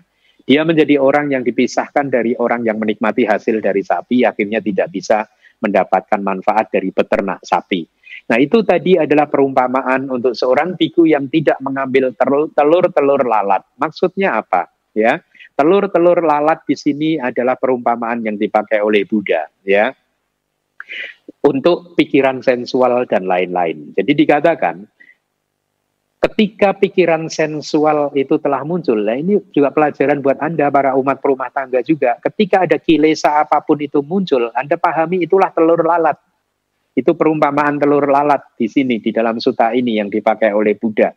Jadi di kitab komentar, ketika pikiran sensual telah muncul, seorang biku tidak segera melenyapkan pikiran sensual tersebut, ya. Dia mempertahankannya, dia menikmatinya, artinya dia tidak berusaha untuk menghalaunya, dia tidak berusaha untuk menghilangkannya, maka inilah seperti perumpamaan seperti gembala sapi yang tidak mencabut atau membuang telur-telur lalat gitu ya. Uh, dengan tidak mengambil telur-telur lalat yang dinamakan pikiran yang tidak baik ini, maka dia menjadi korban dari pikirannya sendiri. Itu kata kitab komentar. Ya, sesungguhnya kilesa kita itu memakan korban ya diri kita sendiri. Ya, kalau kilesa kita itu kuat, sedemikian kuatnya sehingga kita tidak mampu menahannya. Akhirnya setelah membawa korban diri kita sendiri, karena kita tidak mampu menahannya, akhirnya kita luapkan keluar dan membawa korban orang lain yang berada di dekat kita. Tapi korban pertama dari kilesa itu selalu kita. ya. Uh, selanjutnya uh, dari Atakata, guru Atakata melanjutkan begini. Ketika dia berkelana, setelah mengambil subjek meditasi, biku yang tidak mengambil telur-telur lalat tadi, ya, dia tidak mampu mengembangkan subjek meditasinya. Seperti halnya sekawanan ternak milik gembala sapi tidak berkembang, demikianlah di dalam sasana ini biku tersebut juga tidak akan bisa berkembang melalui sila, melalui samadhi dan seterusnya seperti yang tadi sudah saya sampaikan ya. Seperti seorang gembala sapi yang dipisahkan dari orang yang menikmati lima hasil dari sapi, maka biku tersebut pun juga dipisahkan dari lima jenis agregat uh, dhamma ya. Baik, jadi saya rasa uh, karena waktu juga kelas kali ini saya cukupkan sampai di sini ada tiga poin yang sudah kita pelajari. Sekali lagi ya, terus kembangkan sada Anda untuk uh, tekun mempelajari kitab suci ya. Dan seperti yang sudah berkali-kali saya sampaikan, belajar Tipitaka tidak akan bisa tanpa bantuan kitab komentar dan kitab sub komentar. Tanpa bantuan kitab komentar dan kitab sub komentar, maka Anda hanya belajar Tipitaka berdasarkan opini-opini saja. Dan opini atau pendapat pribadi dari orang yang belum tercerahkan itu berbahaya. Ya, berbahaya sekali, ya. E, di zaman dulu ada biku Dewa Data, ya, yang membawa korban akhirnya salah satu muridnya jadi korban yaitu Raja Ajata satu, ya. E, cerita itu akan selalu ada di setiap zaman ya seseorang yang terjerumus karena keliru memilih guru yang harusnya dia mungkin bisa jadi seorang sotapana tapi malah masuk ke neraka oleh karena itu anda harus benar-benar pandai mengerti laksana-laksana dari seseorang, karakteristik-karakteristik dari seseorang. Saya tegaskan sekali lagi, mempelajari Tipitaka tidak akan bisa tanpa bantuan kitab komentar dan kitab komentar.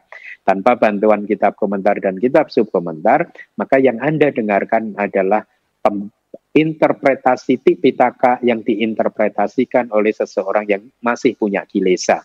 Dan itu berbahaya itu berbahaya ya. Oleh karena itu sekali lagi terus kembangkan apa yang sudah berkembang ini. Semoga Anda semua bisa segera mencapai jana, maga, pala dan nibana. Baik, demikian eh, PIC silahkan. Anumodana Bante atas penjelasan suta yang telah disampaikan kepada kami. Selanjutnya kita akan memasuki sesi tanya jawab. Untuk itu kami akan bacakan tata tertib sesi tanya jawab ini.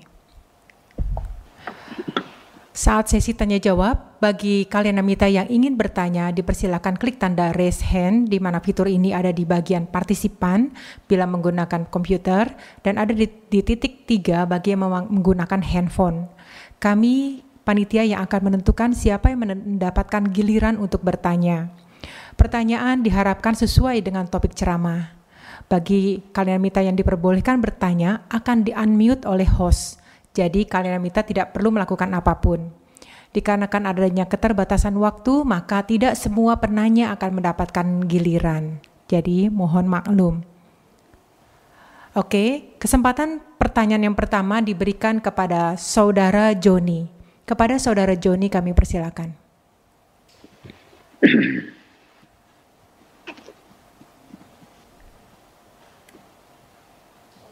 Saya tidak dengar. Nama budaya Bante? Nama budaya. Nah, saya mau nanya Bante, uh, yang kelelawar 500 itu kan dia mendengarkan abidama lanjut mendapat manfaat begitu besar. Yang saya mau tanya, apakah kehidupan sebelum kelelawar ini dia sudah melakukan banyak kebajikan sehingga saat dia jadi kelelawar uh, dia uh, mendengarkan gitu aja udah bisa uh, begitu banyak manfaat. Itu pertanyaan pertama Bante. Ada satu lagi pertanyaan Bante. Jika kita sebagai upasaka uh, tanpa harus menjadi biku, jika kita ingin mendalami materi secara terstruktur step by step sehingga bisa menebus anicca, duka dan anatta, uh, apakah ada pelatihan online yang terstruktur seperti itu, misalnya setiap Sabtu atau gimana, sehingga siapa pun yang mengikuti pelatihan ini dan melatih dengan sungguh-sungguh, maka akan bisa menuju hasil penebusan dhamma. Demikian Bante. Sukiotu Bante. Baik, baik. Bagus, bagus. Terima kasih atas pertanyaannya. Adalah tentang kelelawar tadi ya. Uh, uh, tidak ada Bapak. Uh, jadi di Atak Salini, Atak Salini itu nama sebuah buku, uh, kitab yang merupakan kitab komentar untuk Dhamma Sanggani. Itu dijelaskan tentang uh, panjang lebar tentang uh, kemunculan bagaimana sih sejarah munculnya Abhidhamma panjang sekali sih.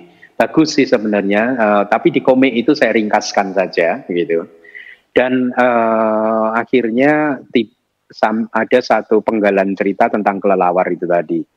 Nah, ketika cerita tentang kelelawar itu disampaikan sebenarnya uh, uh, para uh, Atakata Acarya, uh, guru Atakata sedang menyampaikan uh, sejarah masa lalunya dari 500 biku yang mendapat uh, apa berkat yang sangat luar biasa menjadi murid yang Arya Sariputa. Jadi ceritanya begini, Abhidhamma itu kali diajarkan oleh Buddha di uh, apa uh, surga Tawatingsa, ya.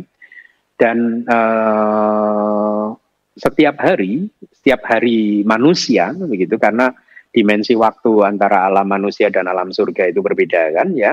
Setiap hari manusia itu Buddha turun setiap paginya turun ke bumi untuk berpindah patah ya.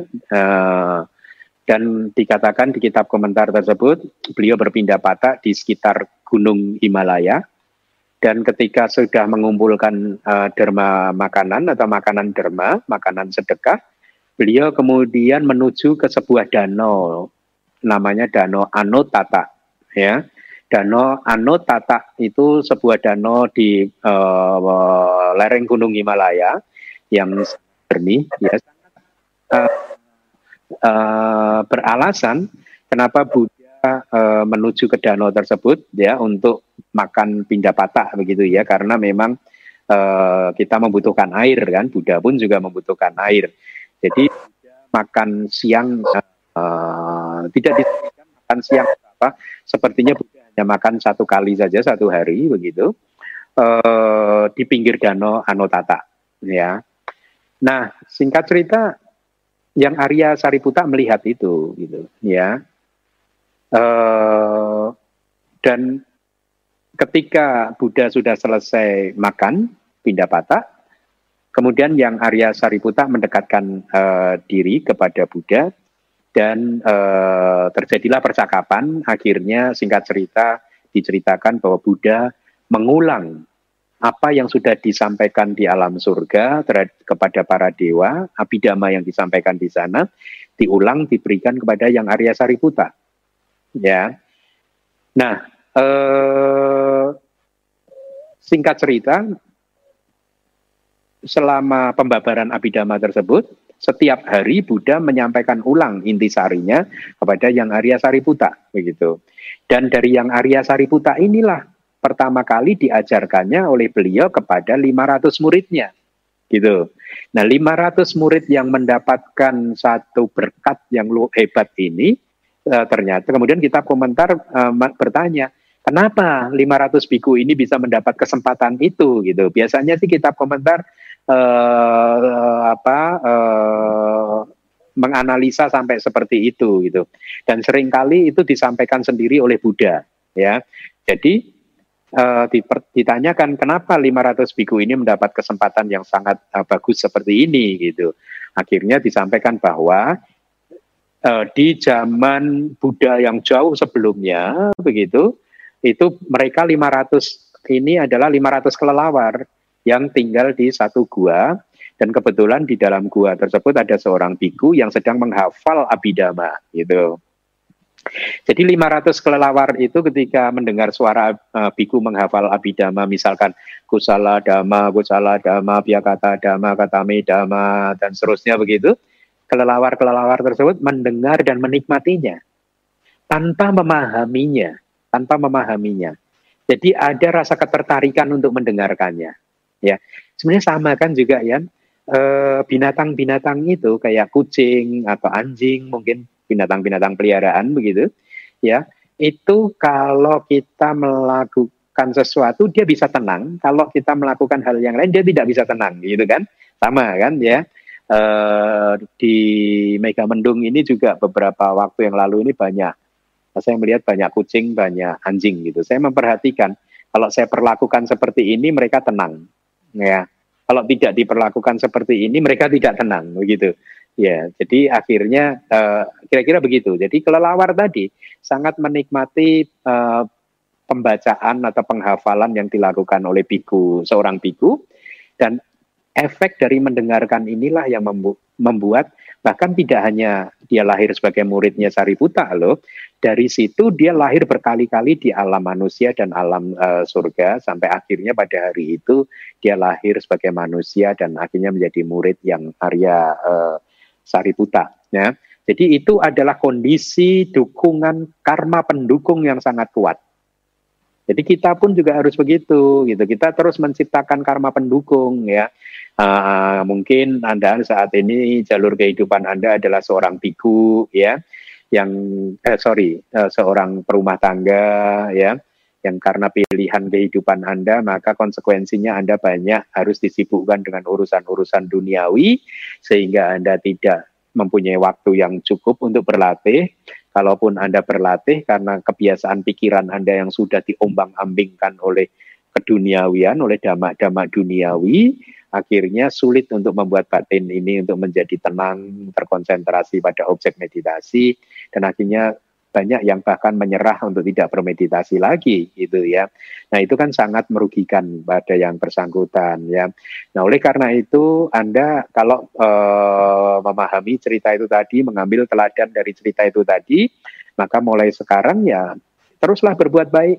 Siapa tahu satu dari perbuatan baik Anda, karma baik Anda itu menjadi pendukung yang sangat kuat untuk bisa lahir sebagai seorang biku yang uh, kemudian menjadi seorang arahat atau bahkan di kelahiran kali ini pun Anda bisa menjadi seorang biku pada akhirnya dan menjadi seorang arahat pada akhirnya di dalam uh, kehidupan uh, kali ini.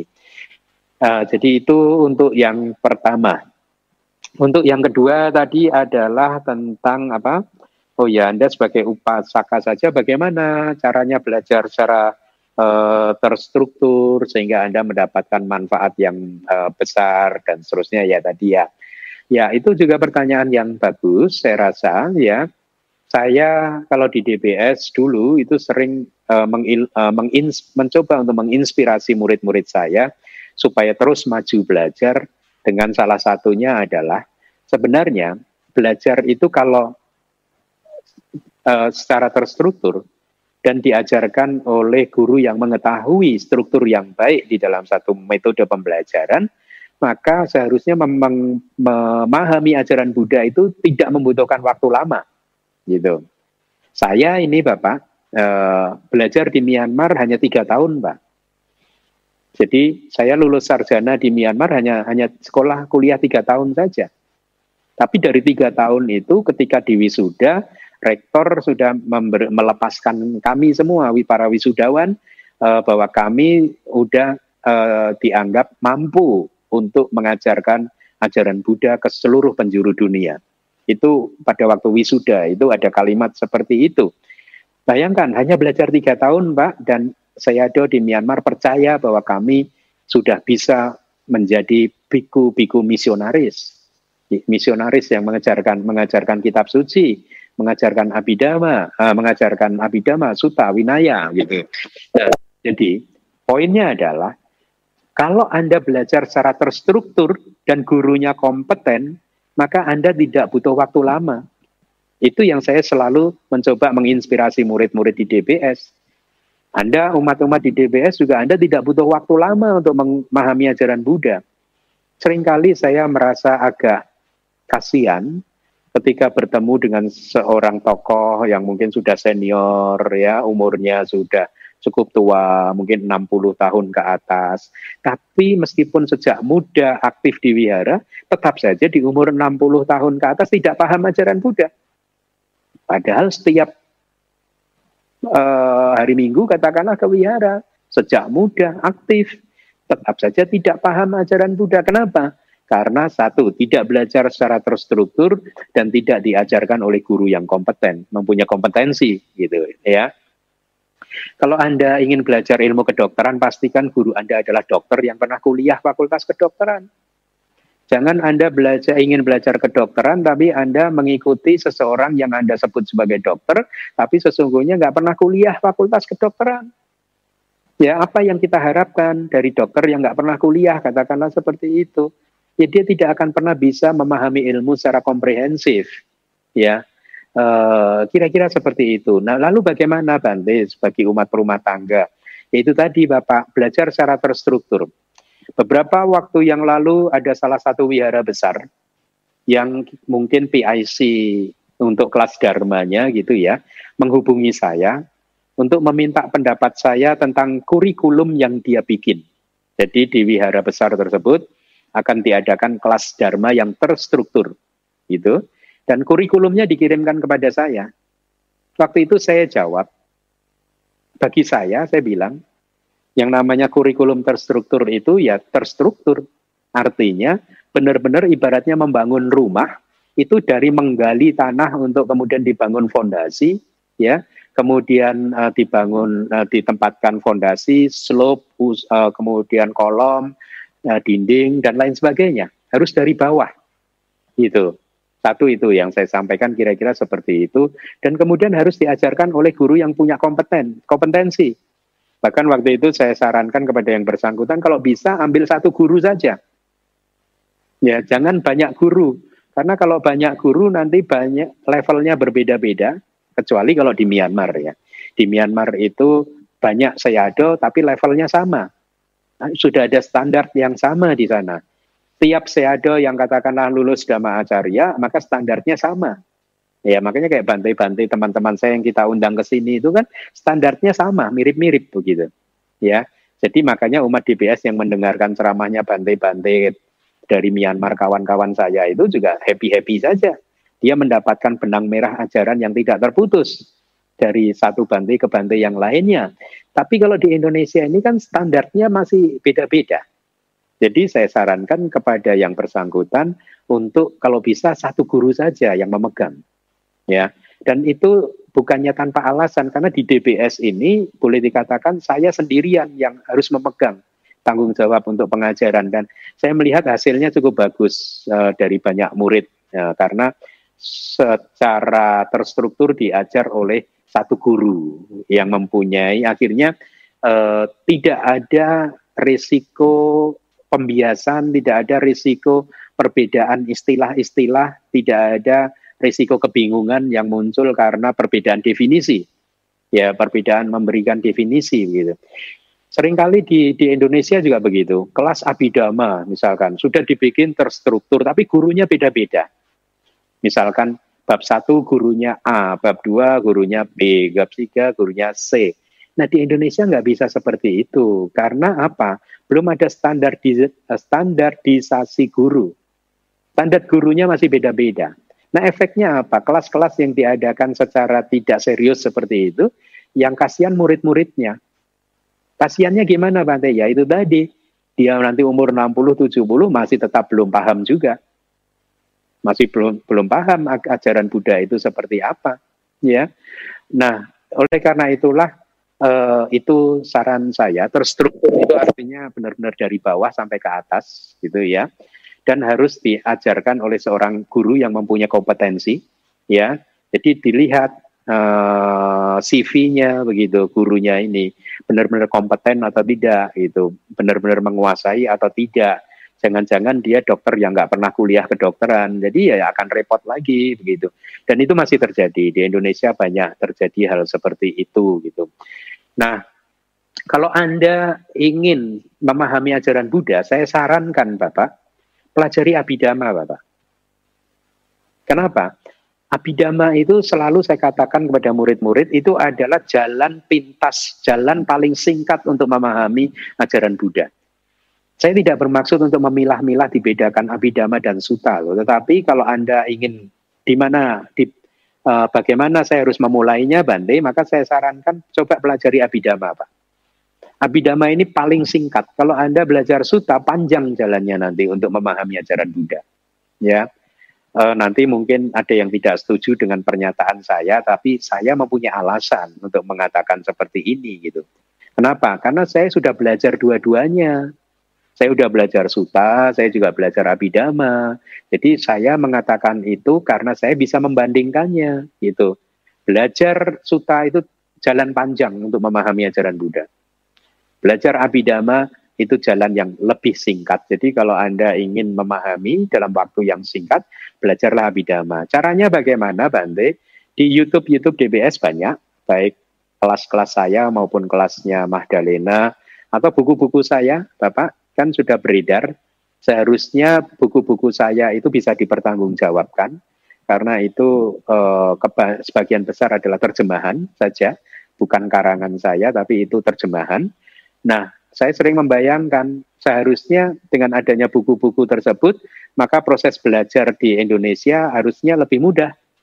Beda dengan tahun 99, tahun 2000 dulu, waktu saya mulai senang dengan Buddhisme, nggak ada buku yang bagus, itu akhirnya itulah mengapa untung untung saya punya naluri untuk loncat ke luar negeri.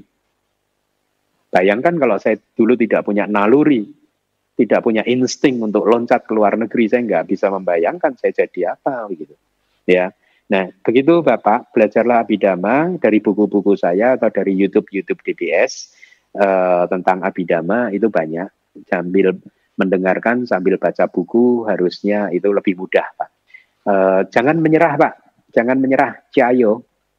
Ya, baik demikian dari saya. Nah, anu Maulana Bante, uh, cuman tadi ada sedikit yang saya tanya belum terjawab itu uh, step by step untuk menebus materi itu Bante, sehingga bisa menebus dhamma atau melihat anicca, duka, nanata. Pelatihan seperti apa secara terstrukturnya seperti itu? Meditasinya ya maksudnya ya? Ah iya, maksudnya eh, apakah ada pelatihan yang terstruktur sehingga misalnya gini kita ke ber, ber, bercita-cita ingin menjadi menebus sotapan gitu kan, hmm. menebus dhamma.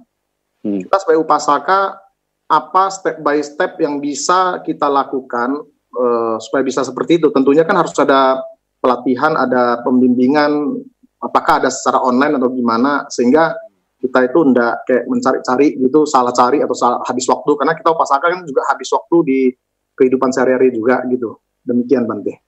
Hmm. ya itu memang keinginan banyak orang sih dalam waktu singkat jadi sotatan. Gini, uh, dalam kehidupan sehari-hari kembangkan sada, sila, bahu suta, ya sada itu keyakinan terhadap pariyati, terhadap Pariyati itu terhadap Tripitaka, kitab komentar dan kitab subkomentarnya, kembangkan itu keyakinan itu. Kembangkan juga keyakinan terhadap pati-pati dan pati weda. Artinya bahwa praktek ini bisa membawa kita menembus uh, empat kebenaran mulia, itu ya. Itu kita harus mempunyai sada, ya. Kemudian sila juga dijaga dulu dalam kehidupan sehari-hari, karena ini adalah kondisi-kondisi yang bagus untuk seseorang supaya bisa uh, berkembang di dalam uh, latihan spiritualnya. Kemudian bahu suta juga banyak pengetahuan juga, Pak. Banyak pengetahuan, banyak banyak belajar juga. Ya itu harus dikembangkan. Kemudian kemurahan hati, caga juga harus uh, dikembangkan. Uh, kemudian kalau Anda ingin berlatih secara terstruktur untuk jadi sotapana, Anda tidak. Saya rasa anda harus memberikan waktu yang panjang, retret yang panjang. Ya, 10 hari sering kali tidak cukup, ya mungkin bisa sebulan, dua bulan, tiga bulan gitu. Saya sarankan Anda misalkan mendapat punya waktu sebulan, dua bulan, atau tiga bulan, atau lebih ke luar negeri, Pak, e, ke Myanmar. E, saya tidak fanatik Myanmar untuk e, ketika mengatakan hal ini, saya mengatakan Myanmar semata-mata karena itu yang saya tahu. Saya tidak mengetahui kondisi di Thailand, di Sri Lanka, saya tidak tahu. Yang saya tahu hanya kondisi di Myanmar ya. Jadi saya bukan bermaksud untuk mengagung-agungkan Myanmar gitu. Jadi karena saya tahu di Myanmar banyak guru yang bagus, Pak. Karena saya hidup di sana bertahun-tahun. Banyak guru yang bagus. Jadi Anda punya waktu satu bulan katakanlah segera ke sana. Tapi sementara waktu selama sehari-harinya Anda persiapkan diri Anda untuk memenuhi syarat-syaratnya tadi keyakinan, silanya dijaga, bahusuta, kemudian kemurahan hatinya juga di, di, ditingkatkan dan seterusnya begitu. Kalau di Indonesia saya tidak tahu, saya tidak tahu apakah ada yang seperti itu. Menurut saya nggak ada sih. Tetap harus ke, ke ke Myanmar. Atau Anda manfaatkan kalau ada guru-guru dari Myanmar uh, datang kemari mengadakan retret, itu kan banyak kan. Anda manfaatkan ikut ikut retret-retret yang diselenggarakan oleh mereka yang biasanya diadakan untuk jangka waktu 10 hari tapi walaupun kurang tapi daripada tidak lah Pak ya. ya itu pun sudah harusnya cukup bagus. Demikian harusnya menjawab. Ya. Baik, terima kasih Bante Keminda atas atas penjelasannya. Uh, terima kasih atas anggota-anggota Sangga yang turut bergabung dalam kelas Pariyati Sasana DBS ini juga merupakan suatu kehormatan bagi kami bahwa yang bergabung bukan hanya upasaka dan upasika. Selanjutnya pertanyaan adalah dari Sama Nera Ratana Waso. Kepada Bante Ratana Waso kami persilahkan. Sebelumnya Satihotu Namo Namo Buddhaya. Uh, Sebelum saya bertanya, Bente, saya ucapkan terima kasih karena buku kemarin sudah datang dan ada tanda tangan dari Bante Asin Keminda. Oh iya. Yeah. Sama terima kasih Bante. Sama-sama Bante. Ya. E, di poin kedua tadi Bante menjelaskan tentang karakteristik.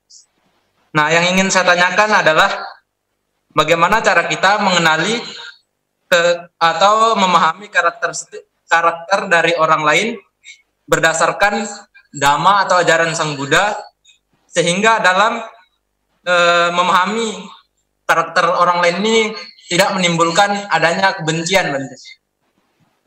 Oke. Itu saja. Oke. Ya.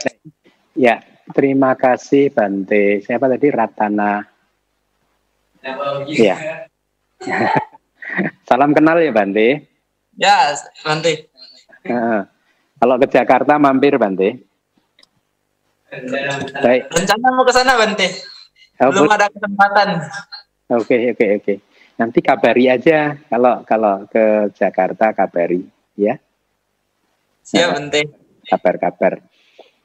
Hmm, apa? Yang pertama tentang buku, oh ya buku ya. Ya, ba uh, bagus. Saya juga senang Bante kalau buku-bukunya udah uh, sampai uh, apa uh, selalu mengikuti update dari divisi propagasi DBS Bante karena buku-buku akan selalu diterbitkan secara periodik si buku yang baru. Ini dalam waktu dekat harusnya buku manual Abidama jilid ketujuh bagian pertama itu akan diterbitkan. Jadi uh, sering mengikuti perkembangan informasi dari DBS ya, nanti ya supaya dapat buku-buku kita begitu. Dan belajar memang kalaupun nanti ada yang sulit dipahami ya memang seperti itu sih Bante. Saya pun juga dulu juga waktu belajar itu juga menemui banyak kesulitan Bante. Bahkan uh, saya ingat persis itu uh, uh, Bante dari ini ya dari STAB Malang bukan? Iya Bante. Dari STAB Kertarajasa. Baik, baik.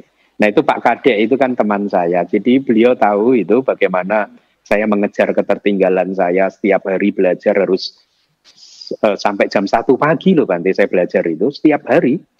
Jadi dari bangun tidur sampai jam satu pagi hanya di sela dengan mandi urusan pribadi, kemudian tidur siang yang hanya mungkin nggak sampai satu jam begitu, selebihnya menghafal terus sampai jam satu malam.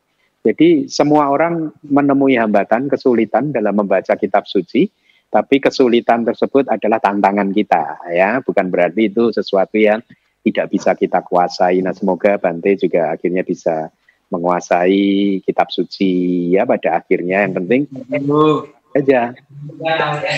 Kalau mendapatkan kesulitan, hambatan, rintangan di tengah perjalanan, gitu.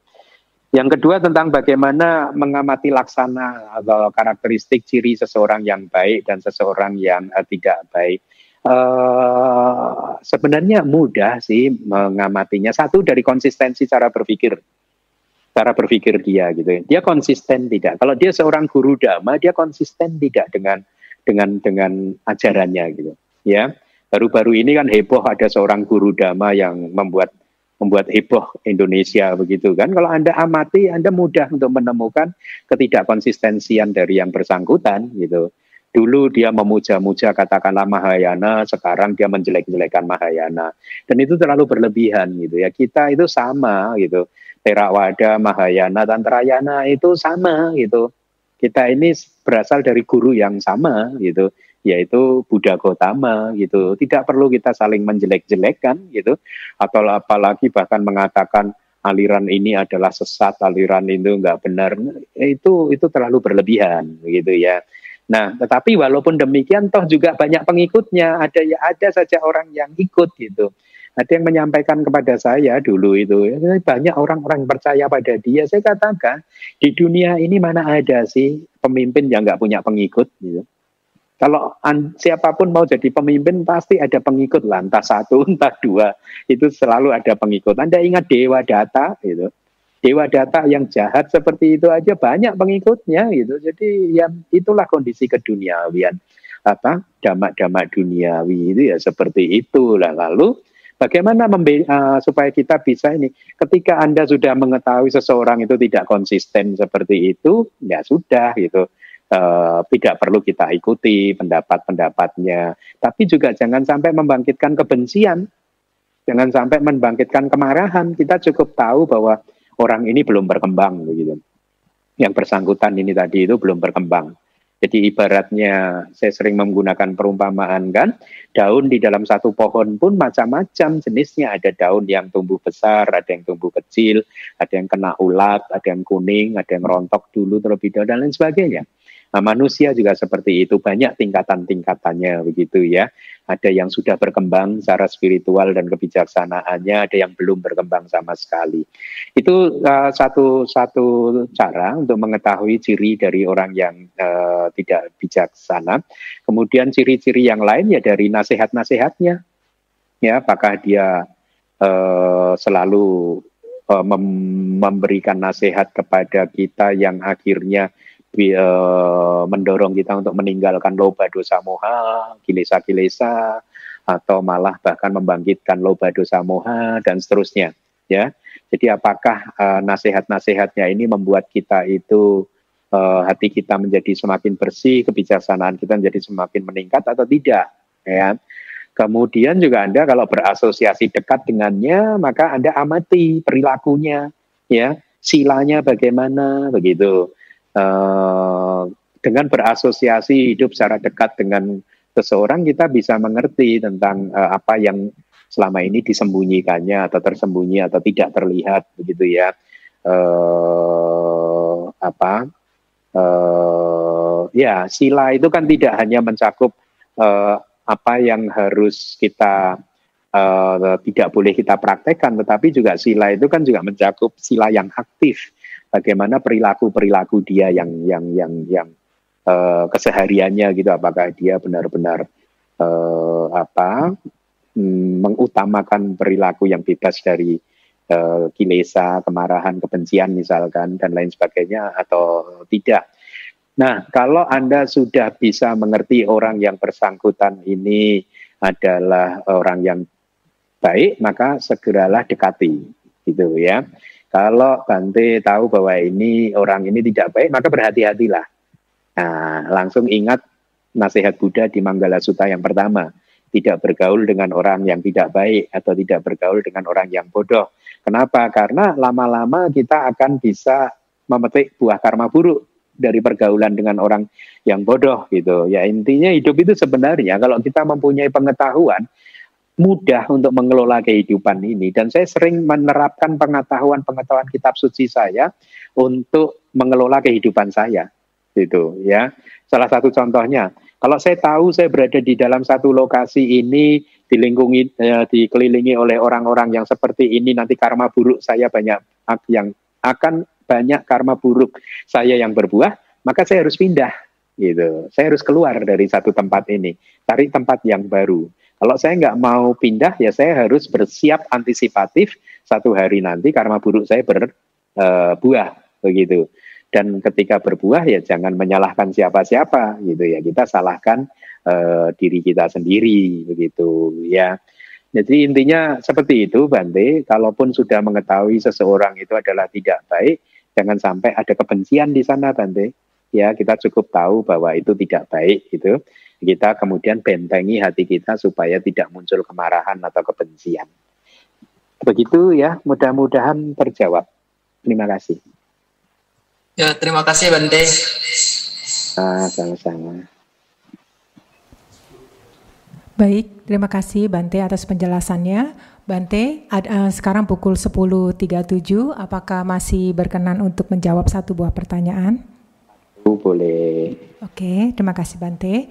Selanjutnya pertanyaan diberikan kepada Saudara Henry Chen. Kepada Saudara Henry Chen kami persilakan.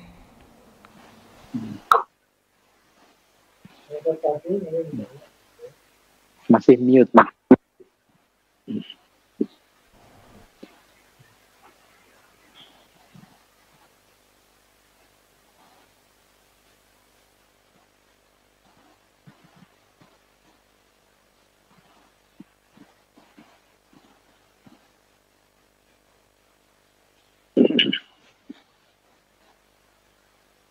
Tidak dengar loh.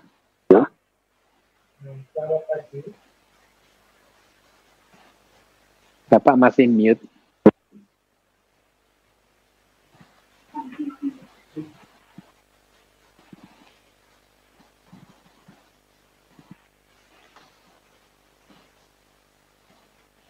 Uh, Henry Chen dipersilakan uh, untuk mengajukan pertanyaannya dengan suara yang lebih nyata.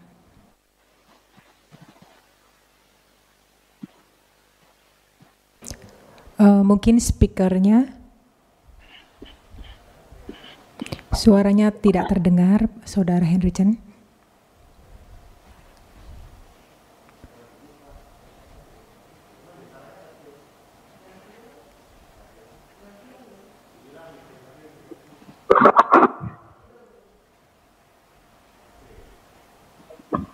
Speakernya Saudara Henry Chen mohon dibesarkan.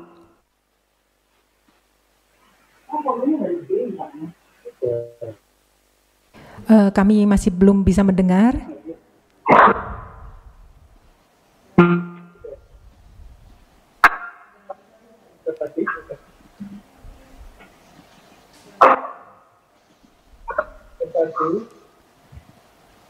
Saya kami meminta maaf Saudara Henry Chen mungkin untuk kesempatan ini belum bisa. Kami ada ada satu buah pertanyaan lagi yaitu kami alihkan kepada yang lain yaitu kepada Saudari Ermawati. Kami mohon maaf dengan Saudara Henry Chen, mungkin di minggu depan bisa mengajukan pertanyaan. Kepada Saudari Ermawati kami persilakan. Nama saya Bante, nama saya Ermawati dari Palembang. Yang saya ingin pastikan dari ceramah Bante hari ini itu adalah tentang tiga topik ya untuk hari ini yang saya ingat itu tentang seorang gembala sapi yang tidak memiliki pengetahuan tentang materi. Nah, dalam hal ini yang saya tangkap ini adalah yang Bante katakan tentang empat mahabuta dan 24 upadaya rupa. Apakah itu benar Bante? Satu. Yang kedua, tidak terampil dalam hal laksana ini berarti ini diceritakan tentang sebab kemunculan. Seorang biku itu tidak mengetahui sebab kemunculan materi seperti dari kama, cita, utu, dan ahara. Apakah itu benar Bante? Dan yang ketiga, ini tentang tidak mengambil telur-telur lalat. Lalat berarti itu seorang biku itu dia tetap menahan atau tidak menolak dama-dama yang buruk. Terima kasih Bante. Dan terus yang tadi saya dengar ada 25 rupa itu yang dieliminasi yang mana Bante dari 28 rupa? Mohon pencerahannya Bante. Terima kasih. Iya. Oke, okay, uh, eh, senang sekali mendengar pertanyaan Anda. Kenapa? Karena saya jadi tahu kalau Anda pembelajar. Anda baca-baca buku, Anda belajar ya. Jadi dua pertanyaan. Yang pertama itu benar sekali. Eh, empat mahabuta dan 24 uh, upadaya rupa. uh, yang nomor dua juga uh, benar yaitu kama cita utu ahara ya tadi ya kemudian yang ketiga tadi uh, seorang biku yang uh, tidak mencabuti telur ya. Jadi ya ya itu itu contoh yang bagus untuk untuk anda juga sih untuk semua semua kita juga tidak hanya untuk para biku. Jadi tugas kita sesungguhnya ketika kita tahu bahwa batin kita dikuasai oleh kilesa, meskipun tadi hanya disebutkan sebagian ya, seperti dambaan atau pikiran sensual atau niat jahat, eh, kebencian dan uh, beberapa yang lain tadi, tapi sesungguhnya itu mencakup semua kilesa, ya. Jadi ketika kita tahu batin ini sedang kilesa sedang muncul di batin kita, maka kita harus segera mengenyahkannya, harus segera menghilangkannya, harus segera mengusirnya, jangan didiamkan. Itu maksudnya ya.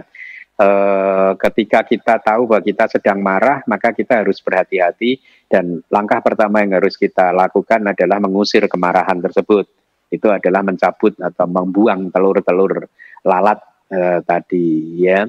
Jadi itu berlaku untuk semua kilesa. Jadi sekali lagi juga inilah pentingnya belajar kalau kita nggak pernah belajar, kita nggak akan pernah tahu kilesa gitu.